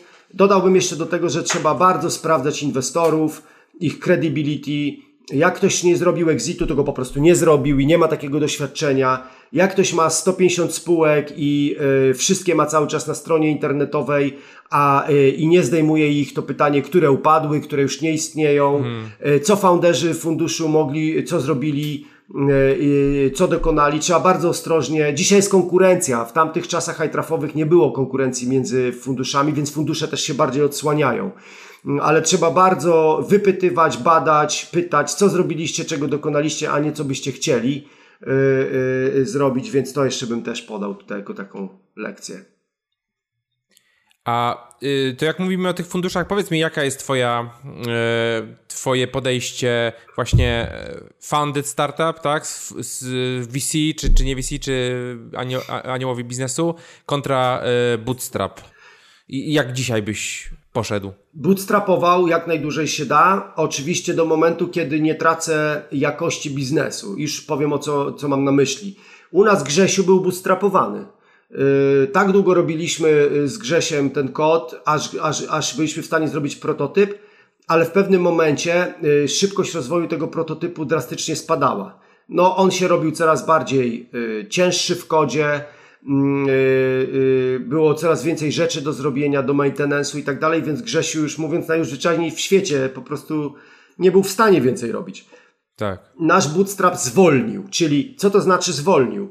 W jednostce czasu byliśmy w stanie y, wykonywać coraz mniej iteracji na prototypie. Taki zwykły, prosty metryk, prosta metryka. Mm, przepraszam. I teraz więc ja bym bootstrapował tak długo, aż jest to możliwe, żeby te iteracje były w takim tempie. Dlaczego? Żeby były w dużym tempie. Dlaczego? Ponieważ wtedy im więcej sami z własnego wysiłku, z własnych pieniędzy przyniesiemy do inwestora, tym nasza wycena jest e, atrakcyjniejsza i możemy więcej wynegocjować czy udziałów, czy struktury rady nadzorczej, czy struktury zarządu, czy w ogóle y, company governance, governance, jeżeli im więcej sami osiągnęliśmy, prawda? Czyli to jest taka prosta zasada. Ja w ogóle lubię bardzo, mhm. pro, bardzo proste w biznesie prostych reguł się słuchać. I teraz i teraz być bardzo selektywnym. Nawet jeżeli masz poczucie, to taka może rada, że ten prototyp to jest nic, że to dopiero tam ktoś jest tak daleko, już ten ktoś tak daleko zaszedł, a ja tutaj nic to nic. Mimo wszystko wybierać dobrego inwestora, który zrobił to, co ty chcesz zrobić. Ja byłem kiedyś na takiej konferencji w San Francisco i facet dał radę. Słuchaj tych, którzy zrobili to, co ty chcesz zrobić, albo próbowali to zrobić. Nie udało im się, ale próbowali.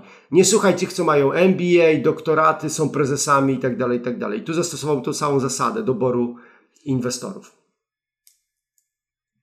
Okej. Okay. E, to w takim razie przeskoczmy teraz do tego tematu e, AI, sztucznej inteligencji. No bo zakładam, że już ten iTraf troszeczkę się ocierał o, no bo rozpoznawanie obrazu, no to jednak jest jakiś forma, nie wiem, machine learningu. Tak, tak. Na pewno już takie rzeczy tam, ta, ta, tam były. Y, no i, i kiedy to się stało taką twoją pasją, no bo jeden z twoich głównych celów dzisiaj, tak, to jest właśnie popularyzacja, popularyzacja, popularyzacja yy, zastosowań AI, tak? I, I, jak wyglądał ten proces? Kiedy się tym zainteresowałeś? Zainteresowałem się tym bardzo mocno tutaj w Stanach, ponieważ y, Amerykanie, y, mierząc wszystko, co mogą mierzyć y, w swojej pracy, o, to jest, wiesz, ty masz pierścionek, y, ty masz obrączkę inteligentną, ja mam zegarek. Y, to jest taka jakby Ameryka w pigułce, czyli mhm. Patrzysz, wiesz, yy, co te trzy kieliszki wina zmieniły, mierzysz to, to, to jest bardzo amerykańskie, takie, może jest też i chińskie, ja nie znam Chin, ale generalnie jest to tutaj bardzo takie obecne, że mierzymy, co się da. ile kaw na godzinę wyda Starbucks w czasie COVID-a, y, bo to się zmieniło, ile osób może być w knajpie, ile osób na minutę, prawda? Kelnerka, która szybko stara się zamknąć rachunek, żeby już wpuścić kolejne osoby, to nie dlatego, że ona chce szybko zrobić pracę, tylko że ona wie, że jeżeli nie obsłuży dziennie pięciu rodzin przy pięciu dużych stolikach, to po prostu nie wyrobi napiwku. To jakby standaryzowanie pewnych informacji. I teraz jak zobaczyłem, jak Amazon, Target, czyli wielkie sieci detaliczne, jak y, y, Google, jak Google Maps tutaj w Stanach, jak powszechnie wykorzystywana, nawet moja aplikacja, bo ja uwielbiam wędkować, do wędkowania, y, jak ona analizuje moje zdjęcia, dane, jak Google Photos pozwala mi szybko katalogować gatunki, znowu tych, wspomnę o tych rybach i tak dalej, to ja zauważyłem, co to się dzieje, że ja w Polsce tego nie doświadczałem.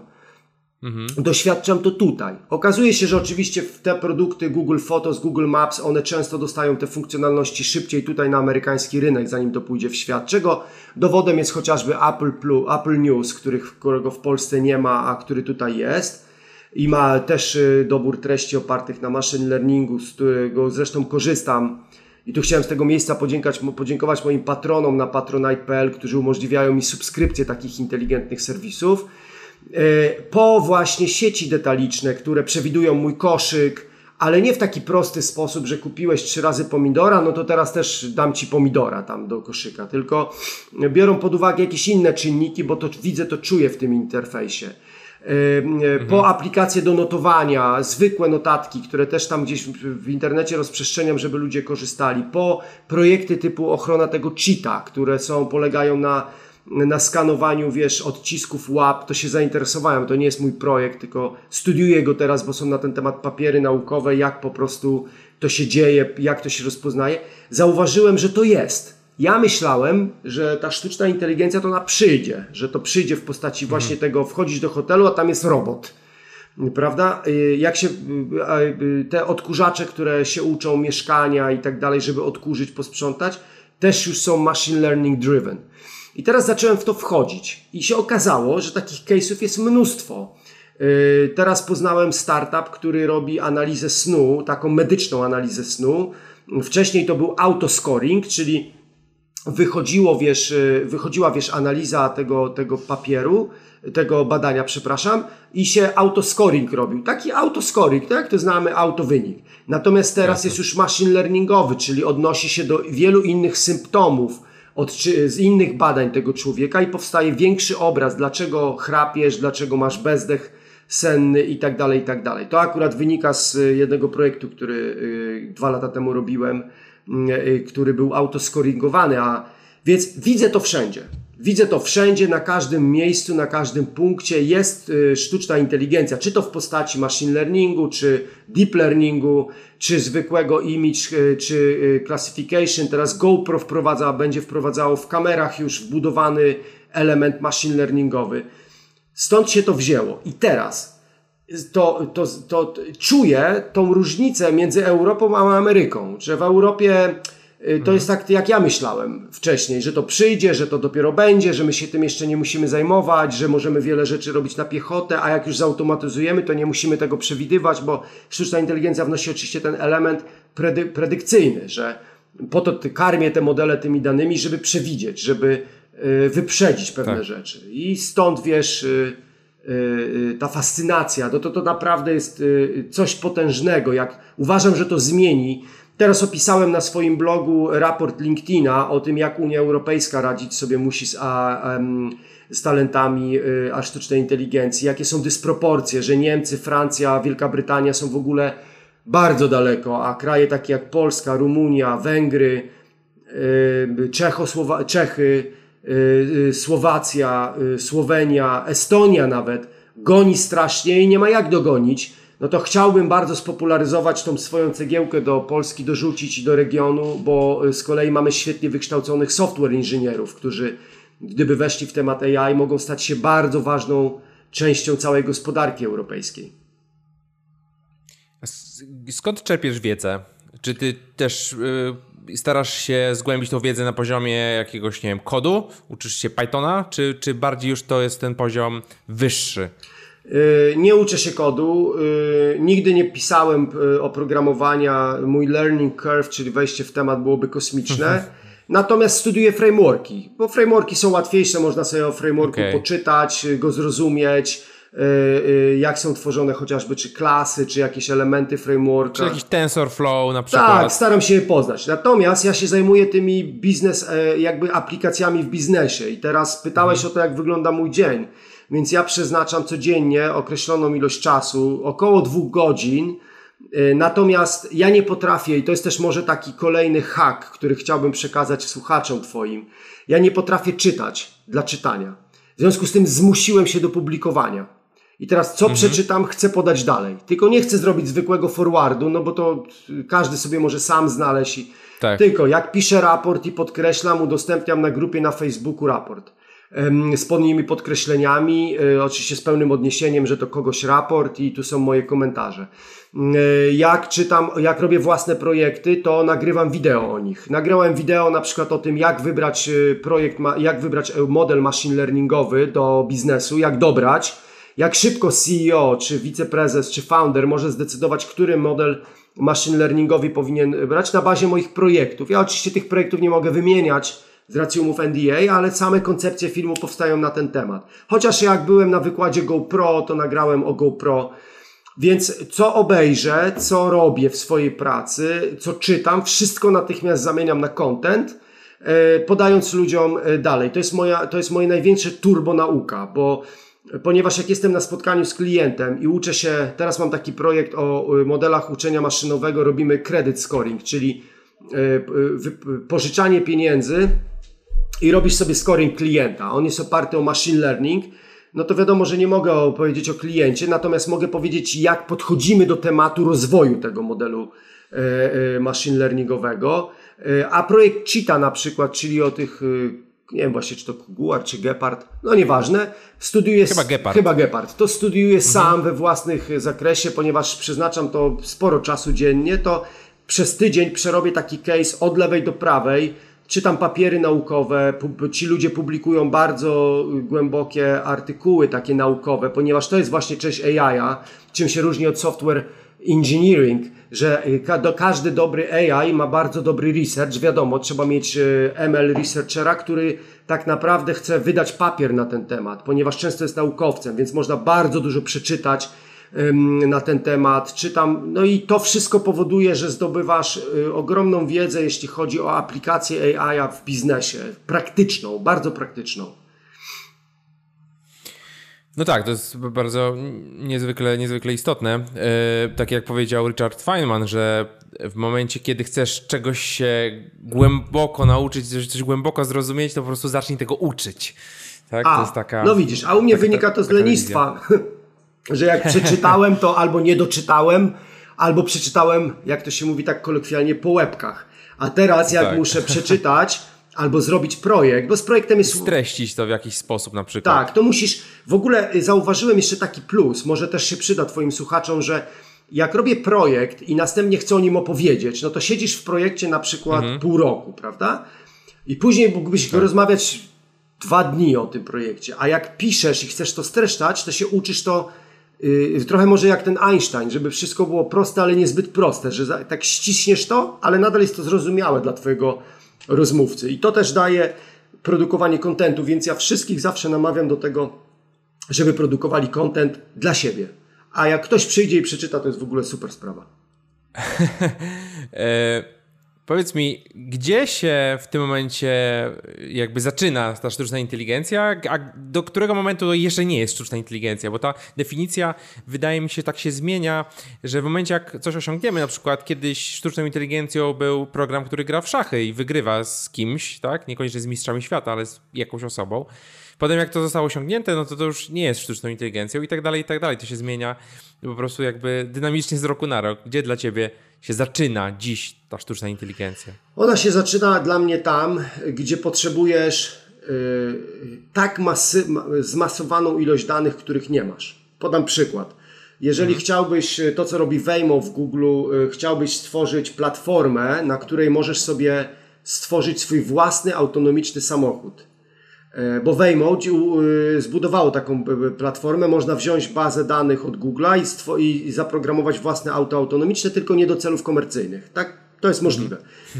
Tak długo jak potrzebujesz tych danych, musisz, ich, musisz je zbierać, y, jak to się mówi, label them, czyli no, kategoryzować, opisywać, no, przyklejać im y, te etykiety, czyli nazywać je i tak dalej, i tak dalej tak długo jest, zaczynasz y, y, budować y, podstawę do Twojego systemu, który będzie inteligentny. Inteligentny to znaczy, że on będzie w stanie się uczyć sam.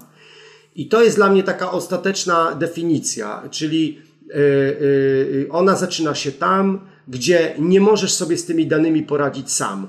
Czyli Twoje własne zasoby nie są w stanie zbudować niczego inteligentnego. I tu jest clue sztucznej inteligencji, mm, czyli musisz zawiązywać albo partnerstwa, to jest jedna droga na zdobycie takich, y, y, mhm. Y, możesz się, jest firma Scala.com, która ci może sprzedać dane do autonomicznego drona albo do autonomicznego do samochodu i możesz z nią nawiązać partnerstwo, czy to strategiczne, czy po prostu kupić w modelu SaaS te dane. To już zależy. Lub możesz poczynić potężne inwestycje, niekoniecznie kapitałowe, ale musisz nastawić się na wieloletnie projekty, sztucznej inteligencji. I tutaj ona się zaczyna. Kiedy ty odpowiadasz sobie na pytanie, no dobrze, moja inteligentna drukarka, nie jestem w stanie sam jej zrobić, muszę zdobyć dane z zewnątrz. I tutaj się ona zaczyna. Ale powodem jest to właśnie to, co powiedziałeś. Nie, żeby zrobić zamknięty system, który gra w szachy, albo zamkniętą drukarkę, która się skończy w pewnym momencie mhm. uczyć, tylko żeby to urządzenie się uczyło, no tak powiedziałbym teoretycznie, w nieskończoność, czyli żeby ono ciągle się rozwijało, stawało się coraz lepsze. To jest dobrym przykładem są samochody takie jak Tesla czy Mustang, y, który teraz, którego wypuszcza Ford, czy, czy Volvo oparte na platformie Androida, które są samochodami na, na, na, nastawionymi na niekończącą się naukę, ponieważ hardware, który mają, przypomina tak jak smartfon, ma potężne moce obliczeniowe, potężne możliwości szczytywania danych z zewnątrz. To jest kwestia co do niego, co do niego mówiąc, tak jak się kiedyś mówiło, co na niego wgramy. Czyli y, tak. to jest to. I tutaj się zaczyna mieć sztuczna inteligencja, czyli mam, potrzebuję ogromną ilość danych, żeby stworzyć inteligentne urządzenie, ale ich nie mam i chcę, żeby ono się samo uczyło. I tu jest ten punkt y, rozpoczęcia.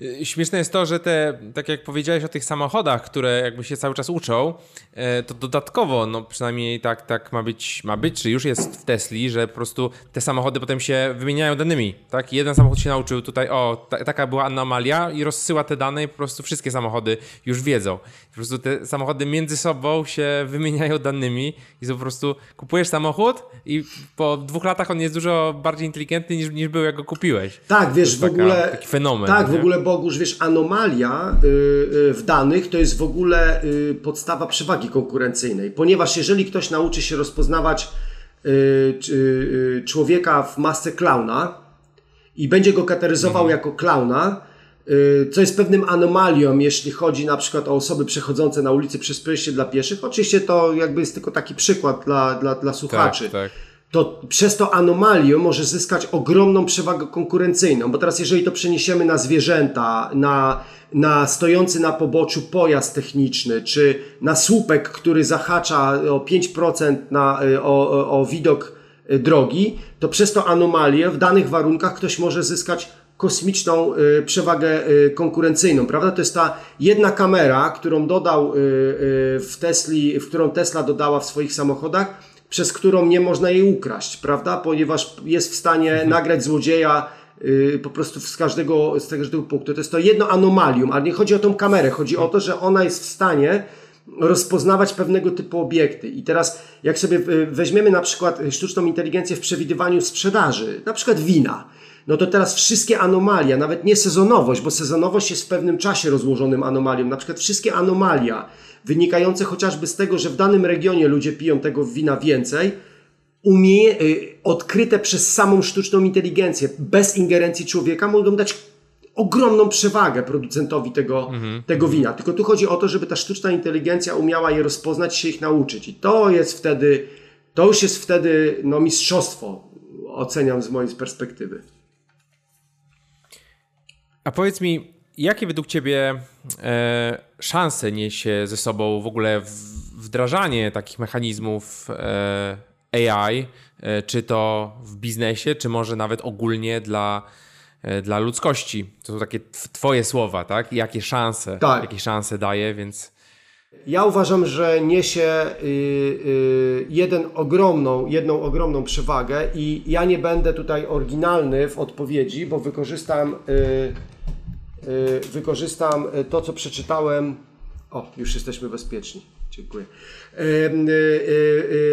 To, co przeczytałem w książce Kai Fu Lee, AI Superpowers. Bardzo tą książkę polecam. To jest świetna książka y, nie tylko o y, walce w obszarze AI, kto będzie dominował w jakich sferach, y, obszarach AI, a jeśli chodzi o sztuczną inteligencję, jeśli chodzi o Chiny i Amerykę, ale Kai Fu Lee opowiada tam o, o tym, co ja jakby przyjmuję, kupuję bezkrytycznie. Sztuczna inteligencja pozwoli wyrugować z życia nudne taski, nudne zadania i teraz y, z jednej strony to jest wielka szansa dla tych, którzy je dzisiaj wykonują, żeby y, przeskoczyć na y, wyższy poziom swojego własnego rozwoju. No bo jeżeli coś kopiuje z kolumny A do B, a zrobi to za chwilę w Excelu sztuczna inteligencja, to ja będę mógł na przykład zająć się sposobem wykorzystywania automatyzacji na przykład w, w księgowości. Będę się zastanawiał, będę karmił sztuczną inteligencję moją wiedzą ekspercką, bo wiadomo, że ta sztuczna inteligencja musi być tym nakarmiona. W związku z tym jestem w stanie awansować intelektualnie, tak bym powiedział. Z drugiej strony oczywiście jest pytanie o tą jednostkę, czy ona będzie miała szansę na taki awans i czy zostanie jej to zaproponowane, albo czy sama będzie chciała ten wysiłek ponieść. Ale to jest inna sprawa. Mm, druga sprawa jest taka, że sztuczna inteligencja pozwoli nam, uważam, na y, odblokowanie czasu, który dzisiaj na coś y, tracimy. Przykład, który już się dzieje w Google. Jak sobie wpiszę, jak na iPhone'ie zrestartować telefon, to dostanę wynik, jak zrestartować iPhone'a, to dostanę wynik filmu z odznaczeniem 35 sekundy, w którym jest o tym mowa. Więc nie muszę oglądać całego mhm. filmu. Oczywiście jest pytanie do mnie, co ja zrobię z tym, z tym zaoszczędzonym czasem. Czy, czy go stracę na coś bezużytecznego, czy to będzie mój czas Mm, na to, że będę mógł więcej sobie poczytać o iPhone'ie, bo mnie interesuje na przykład jako urządzenie, prawda? Czyli przy, e, sztuczna inteligencja przyniesie, zdemokratyzuje czas. Uważam, że będziemy w stanie e, e, więcej tego, będziemy mieli więcej czasu, który będziemy mogli w coś zainwestować. Pytanie oczywiście, co z tym zrobimy. I czwarta rzecz, którą sztuczna inteligencja uważam, że bardzo mocno zmieni i przyniesie, to będzie bezpieczeństwo, ponieważ będziemy w stanie wyłapywać anomalia, to zresztą to, co przed chwileczką z Tobą rozmawiałem, Bogusz, mhm. których dzisiaj nie widzimy. Będziemy w stanie, wie, będziemy wiedzieć, że źle biegamy, ponieważ źle stawiamy stopę, albo na przykład to jest akurat y, taki bliski mi case, bo wychodzi, wychodzi z mojego życia, że mm, kiedyś tam miałem kontuzję kolana i, y, y, i pracujesz później nad tym, żebyś po kontuzji kolana, żebyś równo stawia, rozkładał ciężar ciała na dwie stopy, ponieważ masz zakodowane w głowie, że noga, którą, która przeszła przez operację jest słabsza, w związku z tym ją oszczędzasz. W efekcie mhm. po wielu latach możesz doprowadzić do bardzo niekorzystnego dla ciebie skrzywienia kręgosłupa. Y, to jest temat dla sztucznej inteligencji, której sensory będą się szybko tego uczyły, podpowiadały w Twoim ringu albo w moim zegarku, mhm. hej, hej, hej, coś nie tak, prawda? Albo y, będzie, więc to, jest ta, to będziemy wyłapywać anomalia, które będą o nas dbały, więc to są te bezpieczeństwo, y, to są te rzeczy. Absolutnie chciałbym wszystkim powiedzieć, że nie ma szans, że Cię zoperuje robot albo przyjdziesz do lekarza, który będzie robotem Kai Fu Lee mówi o tym w książce, prosta zasada, łzy i uścisku człowieka i przytulenia nie zastąpi nic. Wręcz nawet może ta cena, jakby wartość tego być większa, ponieważ będziemy obcować więcej z robotami, więc mówi się o tym, że będziemy więcej, lepiej zwracać uwagę na relacje budowane z ludźmi, ponieważ uścisk, przytulenie, łza, współczucie, śmiech wspólny, pójście na piwo tego nie zastąpi nam sztuczna inteligencja nigdy, więc y, ja się z tym bardzo zgadzam. Więc uważam, że y, trzeba na to patrzeć bardzo pozytywnie i absorbować ją do życia, próbować się z nią oswajać. Ja mówię tutaj nie o programistach i inżynierach, ja mówię tutaj o zwykłym o zwykłym, zwykłej codzienności człowieka, który się na przykład nie interesuje w ogóle technologiami albo mało, żeby po prostu ją, bo ona będzie wszędzie, będzie tak jak prąd. Będziemy musieli się do niej z nią po prostu, będziemy z nią, z nią funkcjonować. Nie każdy musi rozumieć, jak jest zbudowane gniazdko, ale rozumiemy, że możemy się, się do niego wpiąć, możemy naładować baterię, USB i tak dalej. Tak samo będziemy korzystać, uważam, ze sztucznej inteligencji z tym, że jak powiedziałeś, że nigdy nie osiągniemy na przykład tej, tej empatii tak zwanej, to ja bym był tutaj ostrożny, bo okay. wyobraź sobie, że jesteśmy 200 lat do tyłu i tutaj opowiadamy o latających ptakach, rakietach lecących na księżyc, czy 100 lat temu nawet, tak? Taki krótki, krótki okres, więc wydaje mi się, że kurczę, nie jesteśmy w stanie w ogóle sobie wyobrazić, co będzie za 100 lat na przykład y, w, w tym momencie. Nie? No, masz rację. To już takie dywagacje filozoficzne. Z, z, ale z rakietami to roz, rozumiem, podajesz taki przykład, że coś był, coś nawet nie mieściło się w głowie człowieka, tak? A nastąpiło. Tak. Okej, okay, tak. Okay. No tak, to tak. wiesz, to trzeba się zgodzić. Y, oczywiście zgadzam się z tobą, że nie wiemy, co, do czego to doprowadzi. Natomiast stanie się to na pewno szybko. Y, szybciej niż nam się pewnie wydaje. I stąd ta y, otwartość i ta na sztuczną inteligencję, którą staram się propagować i ponieważ ona się, wiesz, nie każdy musiał być i programistą czy informatykiem i można było koło tego tak obejść szerokim łukiem, a on tam jest, programuje coś, coś tam robi. Tak. Ale jak popatrzymy na to, co się stało ze smartfonami, to troszeczkę tak samo będzie ze sztuczną inteligencją, że ona się nagle pojawi Y, I teraz y, pytanie, czy będziemy umieli z niej korzystać. I ja namawiam, że, że, żeby się z rakietą oswajać, ponieważ myślę, że to jest szansa na to, że wreszcie te nudne zadania będę mógł porzucić, a stworzą się dla mnie warunki robienia czegoś, co mnie będzie rozwijało i, y, i tak dalej. I to może tak bardziej chciałem powiedzieć, ale zgadzam się z Tobą no Boston Dynamics zaczął sprzedawać tego robota, którego produkował, który robi mm -hmm. te mhm. fikołki, otwiera drzwi i tak dalej. Jeszcze z parę lat temu funkcjonował jako film na YouTubie. A dzisiaj go tak. można kupić, dostać do domu, jest do niego API, można go zaprogramować za pomocą tabletu i zacznie chodzić po domu i przynosić, nie wiem, piwo, napoje, otwierać drzwi, uczyć się tego wszystkiego i to już wchodzi, jest. 74 tysiące dolarów i możesz go do firmy kupować, jeżeli go potrzebujesz.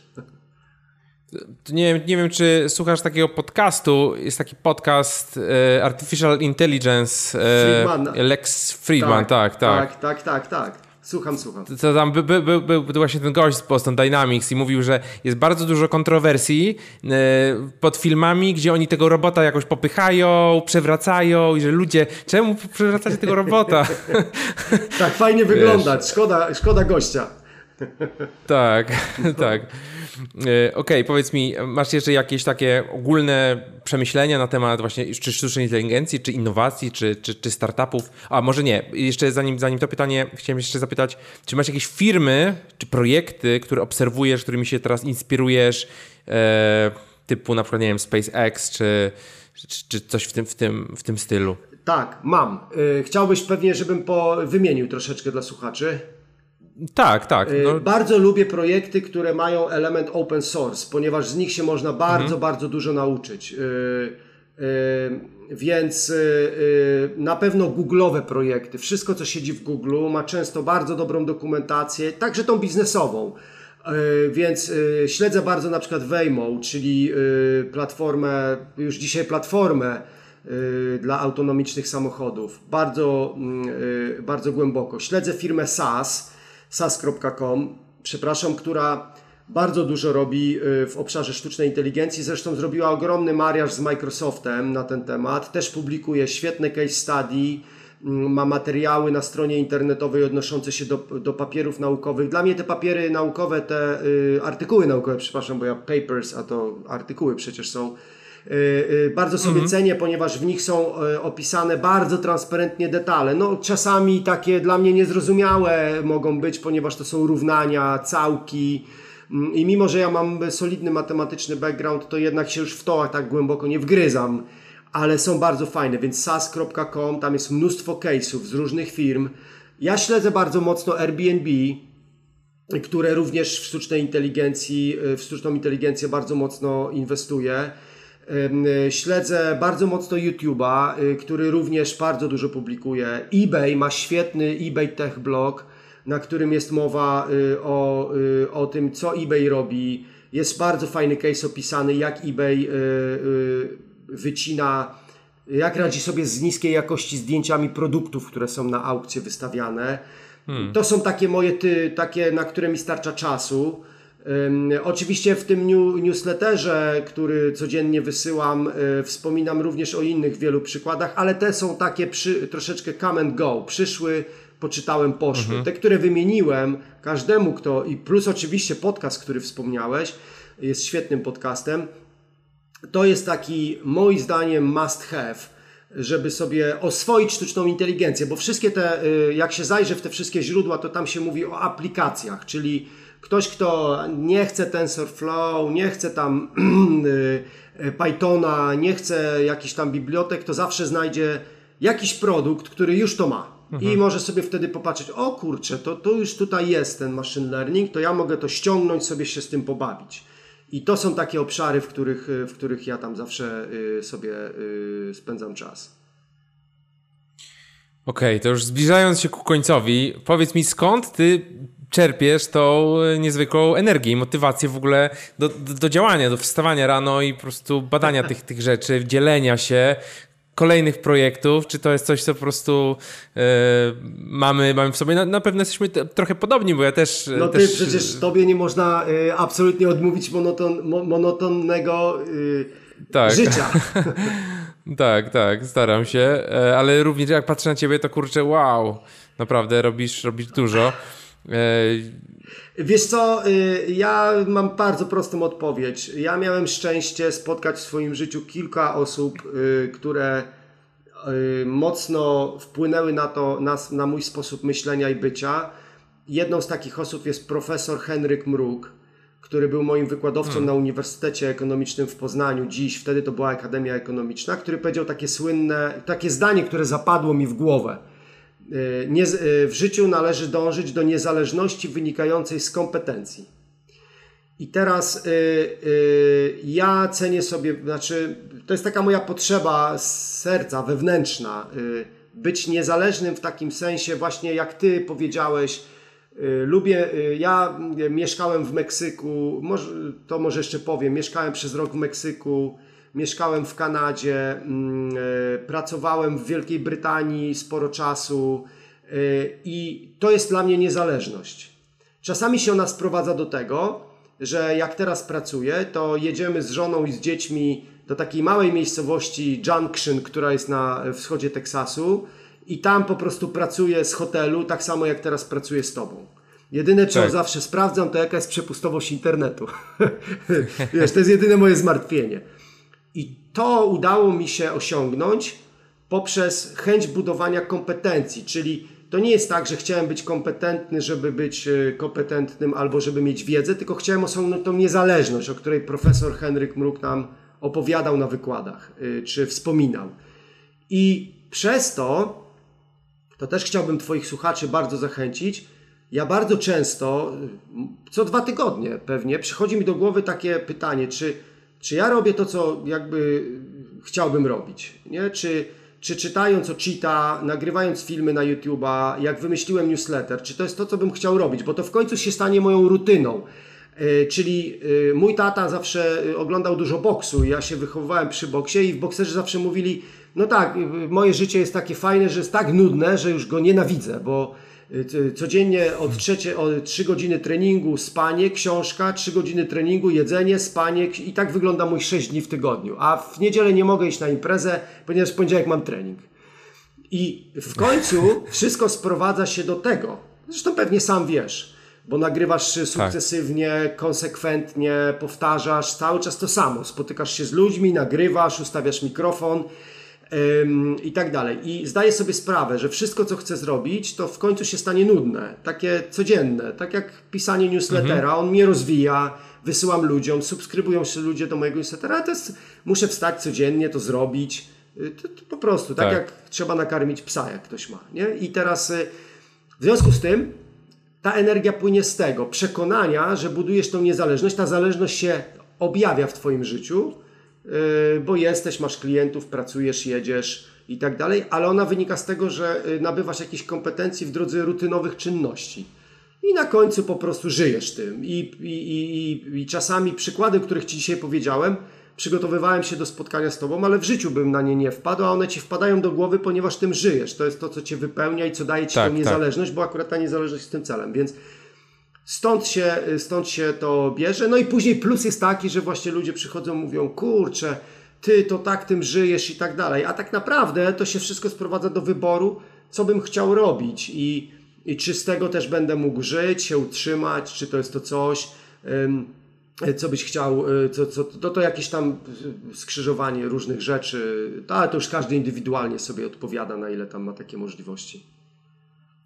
No myślę, że w ogóle ogólnie społeczeństwo zmierza w kierunku e, takich niezależnych, indywidualnych jednostek, które będą razem tworzyły pewne, pewne grupy, ale to nie będą już firmy, gdzie ludzie przychodzą i siedzą po 8-10 godzin w jednym miejscu, tylko po prostu będą takie wolne elektrony, które się będą łączyły w jakieś, e, w jakieś e, powiedzmy jednostki pod konkretny projekt na przykład, pod konkretne zadanie z, z różnych krańców świata. E, później zobaczymy może z innych planet jeszcze, chociaż przepustowość internetu będzie słaba, tego nie przeskoczymy. Także myślę, że też ja również dążę do tej, do tej, do tej niezależności. I tak jak nawiązywałem do Netflixa, tych historii Netflixa, to ich dewiza od początku to było właśnie e, wolność i odpowiedzialność. Mhm. Czyli z jednej strony masz bardzo dużą odpowiedzialność i ty masz dowozić te rzeczy, które się zobowiążesz i ty masz trzymać nad tym pieczę, ale z drugiej strony ty masz przestrzeń, żeby to, żeby to robić. Czy będziesz to robił rano, czy, czy po południu, czy wieczorem, czy, czy w weekend, czy według własnego schematu, jeżeli to będzie zrobione, tak? E, to dajemy ci przestrzeń, działaj sobie tak jak, tak jak chcesz, tak? Mhm. Ale, ale, ale pamiętaj o tej odpowiedzialności. I ta odpowiedzialność też yy, widzę, że po prostu odpowiedzialność kieruje do takiego pełnej wolności mm -hmm. de facto. Mm -hmm. Branie odpowiedzialności za swoje czyny, za swoje życie. I właśnie, no, przedsiębiorca jest osobą, która jego każdy ruch jest, e, no, wiąże się z, z jego życiem, tak? Mm. Jeżeli pracujesz gdzieś na etacie w firmie, e, no to czy coś zrobisz dobrze, czy, czy, czy zrobisz gorzej, to nawet, czy firmę zmienisz. E, a tutaj jednak ta, ta, ta odpowiedzialność, ale jednak, jednak kieruje, kieruje do tej wolności tak, tak, tak, tak to z mojej perspektywy wygląda. Tak, wiesz, i powiedziałeś jeszcze bardzo ważną rzecz. Może warto też powiedzieć miał, że takim dużym elementem nakierowującym cię na odpowiednią ścieżkę jest taka samoświadomość, bo yy, yy, odkrywanie siebie w takim sensie, w czym takie proste, co mogę, czego nie mogę. Yy, ja nie mogę programować, chociażbym chciał, ponieważ nie mam takiej cierpliwości, takiej iteracji, jaka jest potrzebna na dobrego programistę. A to jest taki skrajny przykład. Czasami gdzieś poś, tak y, mhm. y, troszeczkę wiesz, że czegoś nie możesz, a może jednak troszeczkę byś to zrobił, y, ale poszukiwanie tej samoświadomości, czyli takiego zdobywanie takiego integrity, po, integ takiego y, integrity pomiędzy tym, co robisz, a to, do czego się nadajesz, prawda? Że, I to jest niestety też trial and error, czyli czasami ci się wydaje, że coś możesz zrobić. Mi się długo wydawało, mhm. że nie potrafię pisać, E, ale przetestowałem, zrobiłem, popełniłem błędy. Wydaje mi się, że mm, już to, e, że potrafię to robić, ale to jest zgodne ze mną. E, I wtedy to jest tak fajnie, bo to jak laser się nakierowuje, wiesz, robisz to, co chcesz, nagle też przez to zarabiasz i to się tak pokrywa. Nie wszystko tak się da, ale to jest też taka samoświadomość, czyli odkrywanie siebie, zastanawianie się nad sobą, takie proste, co tam słyszę w środku. O kurczę, to jednak był nudny projekt. Taki wiesz, y, ciągnął się jak te mhm. przysłowiowe, przepraszam za wyrażenie, flaki z olejem i niby był tak fajnie wyglądała to już takiego projektu drugiego nie chcę. To jest ta samoświadomość, taka jakby odkrywanie siebie. Myślę, że też jest bardzo ważna. Arku, e, powiedz mi, gdzie ciebie, ciebie można znaleźć, może nie mi, tylko naszym, naszym słuchaczom, naszym widzom, gdzie można Ciebie znaleźć, e, od których Twoich materiałów warto, warto zacząć, jak z Tobą się skontaktować? Najlepiej arekskuza.com Mm, tam jest, są dwie zakładki, blog albo learn from home. Moje dwa takie projekty, y, oczka w głowie poza pracą zawodową, arekskuza.com, tam można wskoczyć i a już stamtąd poprowadzić się po wszystkich miejscach, w których jestem. Okej, okay, super. Także dzięki serdeczne dzięki. za rozmowę. To była przyjemność. Moja również. Dzięki, do Wspaniale. usłyszenia. Dziękuję za zaproszenie. Pozdrawiam wszystkich. Cześć Bogusz, trzymajcie się. Cześć. Cześć. I to już wszystko w tym odcinku. Dziękuję Ci serdecznie za wysłuchanie. Mam nadzieję, że materiał Ci się podobał i że trochę Cię zainspirował. Mnie na pewno uważam Arka za niesamowitą postać. Ta jego energia, dynamika i wiedza e, jest e, naprawdę, naprawdę niesamowita. Także myślę, że z Arkiem pozostaniemy jeszcze w kontakcie i może zobaczycie go w jakichś moich e, projektach, może zawiążemy jakąś współpracę, zobaczymy co e, przyszłość nam przyniesie. E, I jeżeli materiał Ci się podobał, to będzie mi super miło, jeżeli zrobisz screena, jak słuchasz, albo, albo zdjęcie i wrzucisz na Instagram, oznaczysz mnie boguszpękalski.pl. Oczywiście, jeżeli nie korzystasz z Instagrama, to gdziekolwiek w swoich mediach daj znać, że posłuchałeś naszej rozmowy, e, żeby dotarło to po prostu do większej ilości słuchaczy i odbiorców, bo mam wrażenie, że ten materiał jest wartościowy i warto się nim po prostu podzielić. Także jeszcze raz dziękuję Ci serdecznie za wysłuchanie. Do usłyszenia, do zobaczenia w kolejnym odcinku.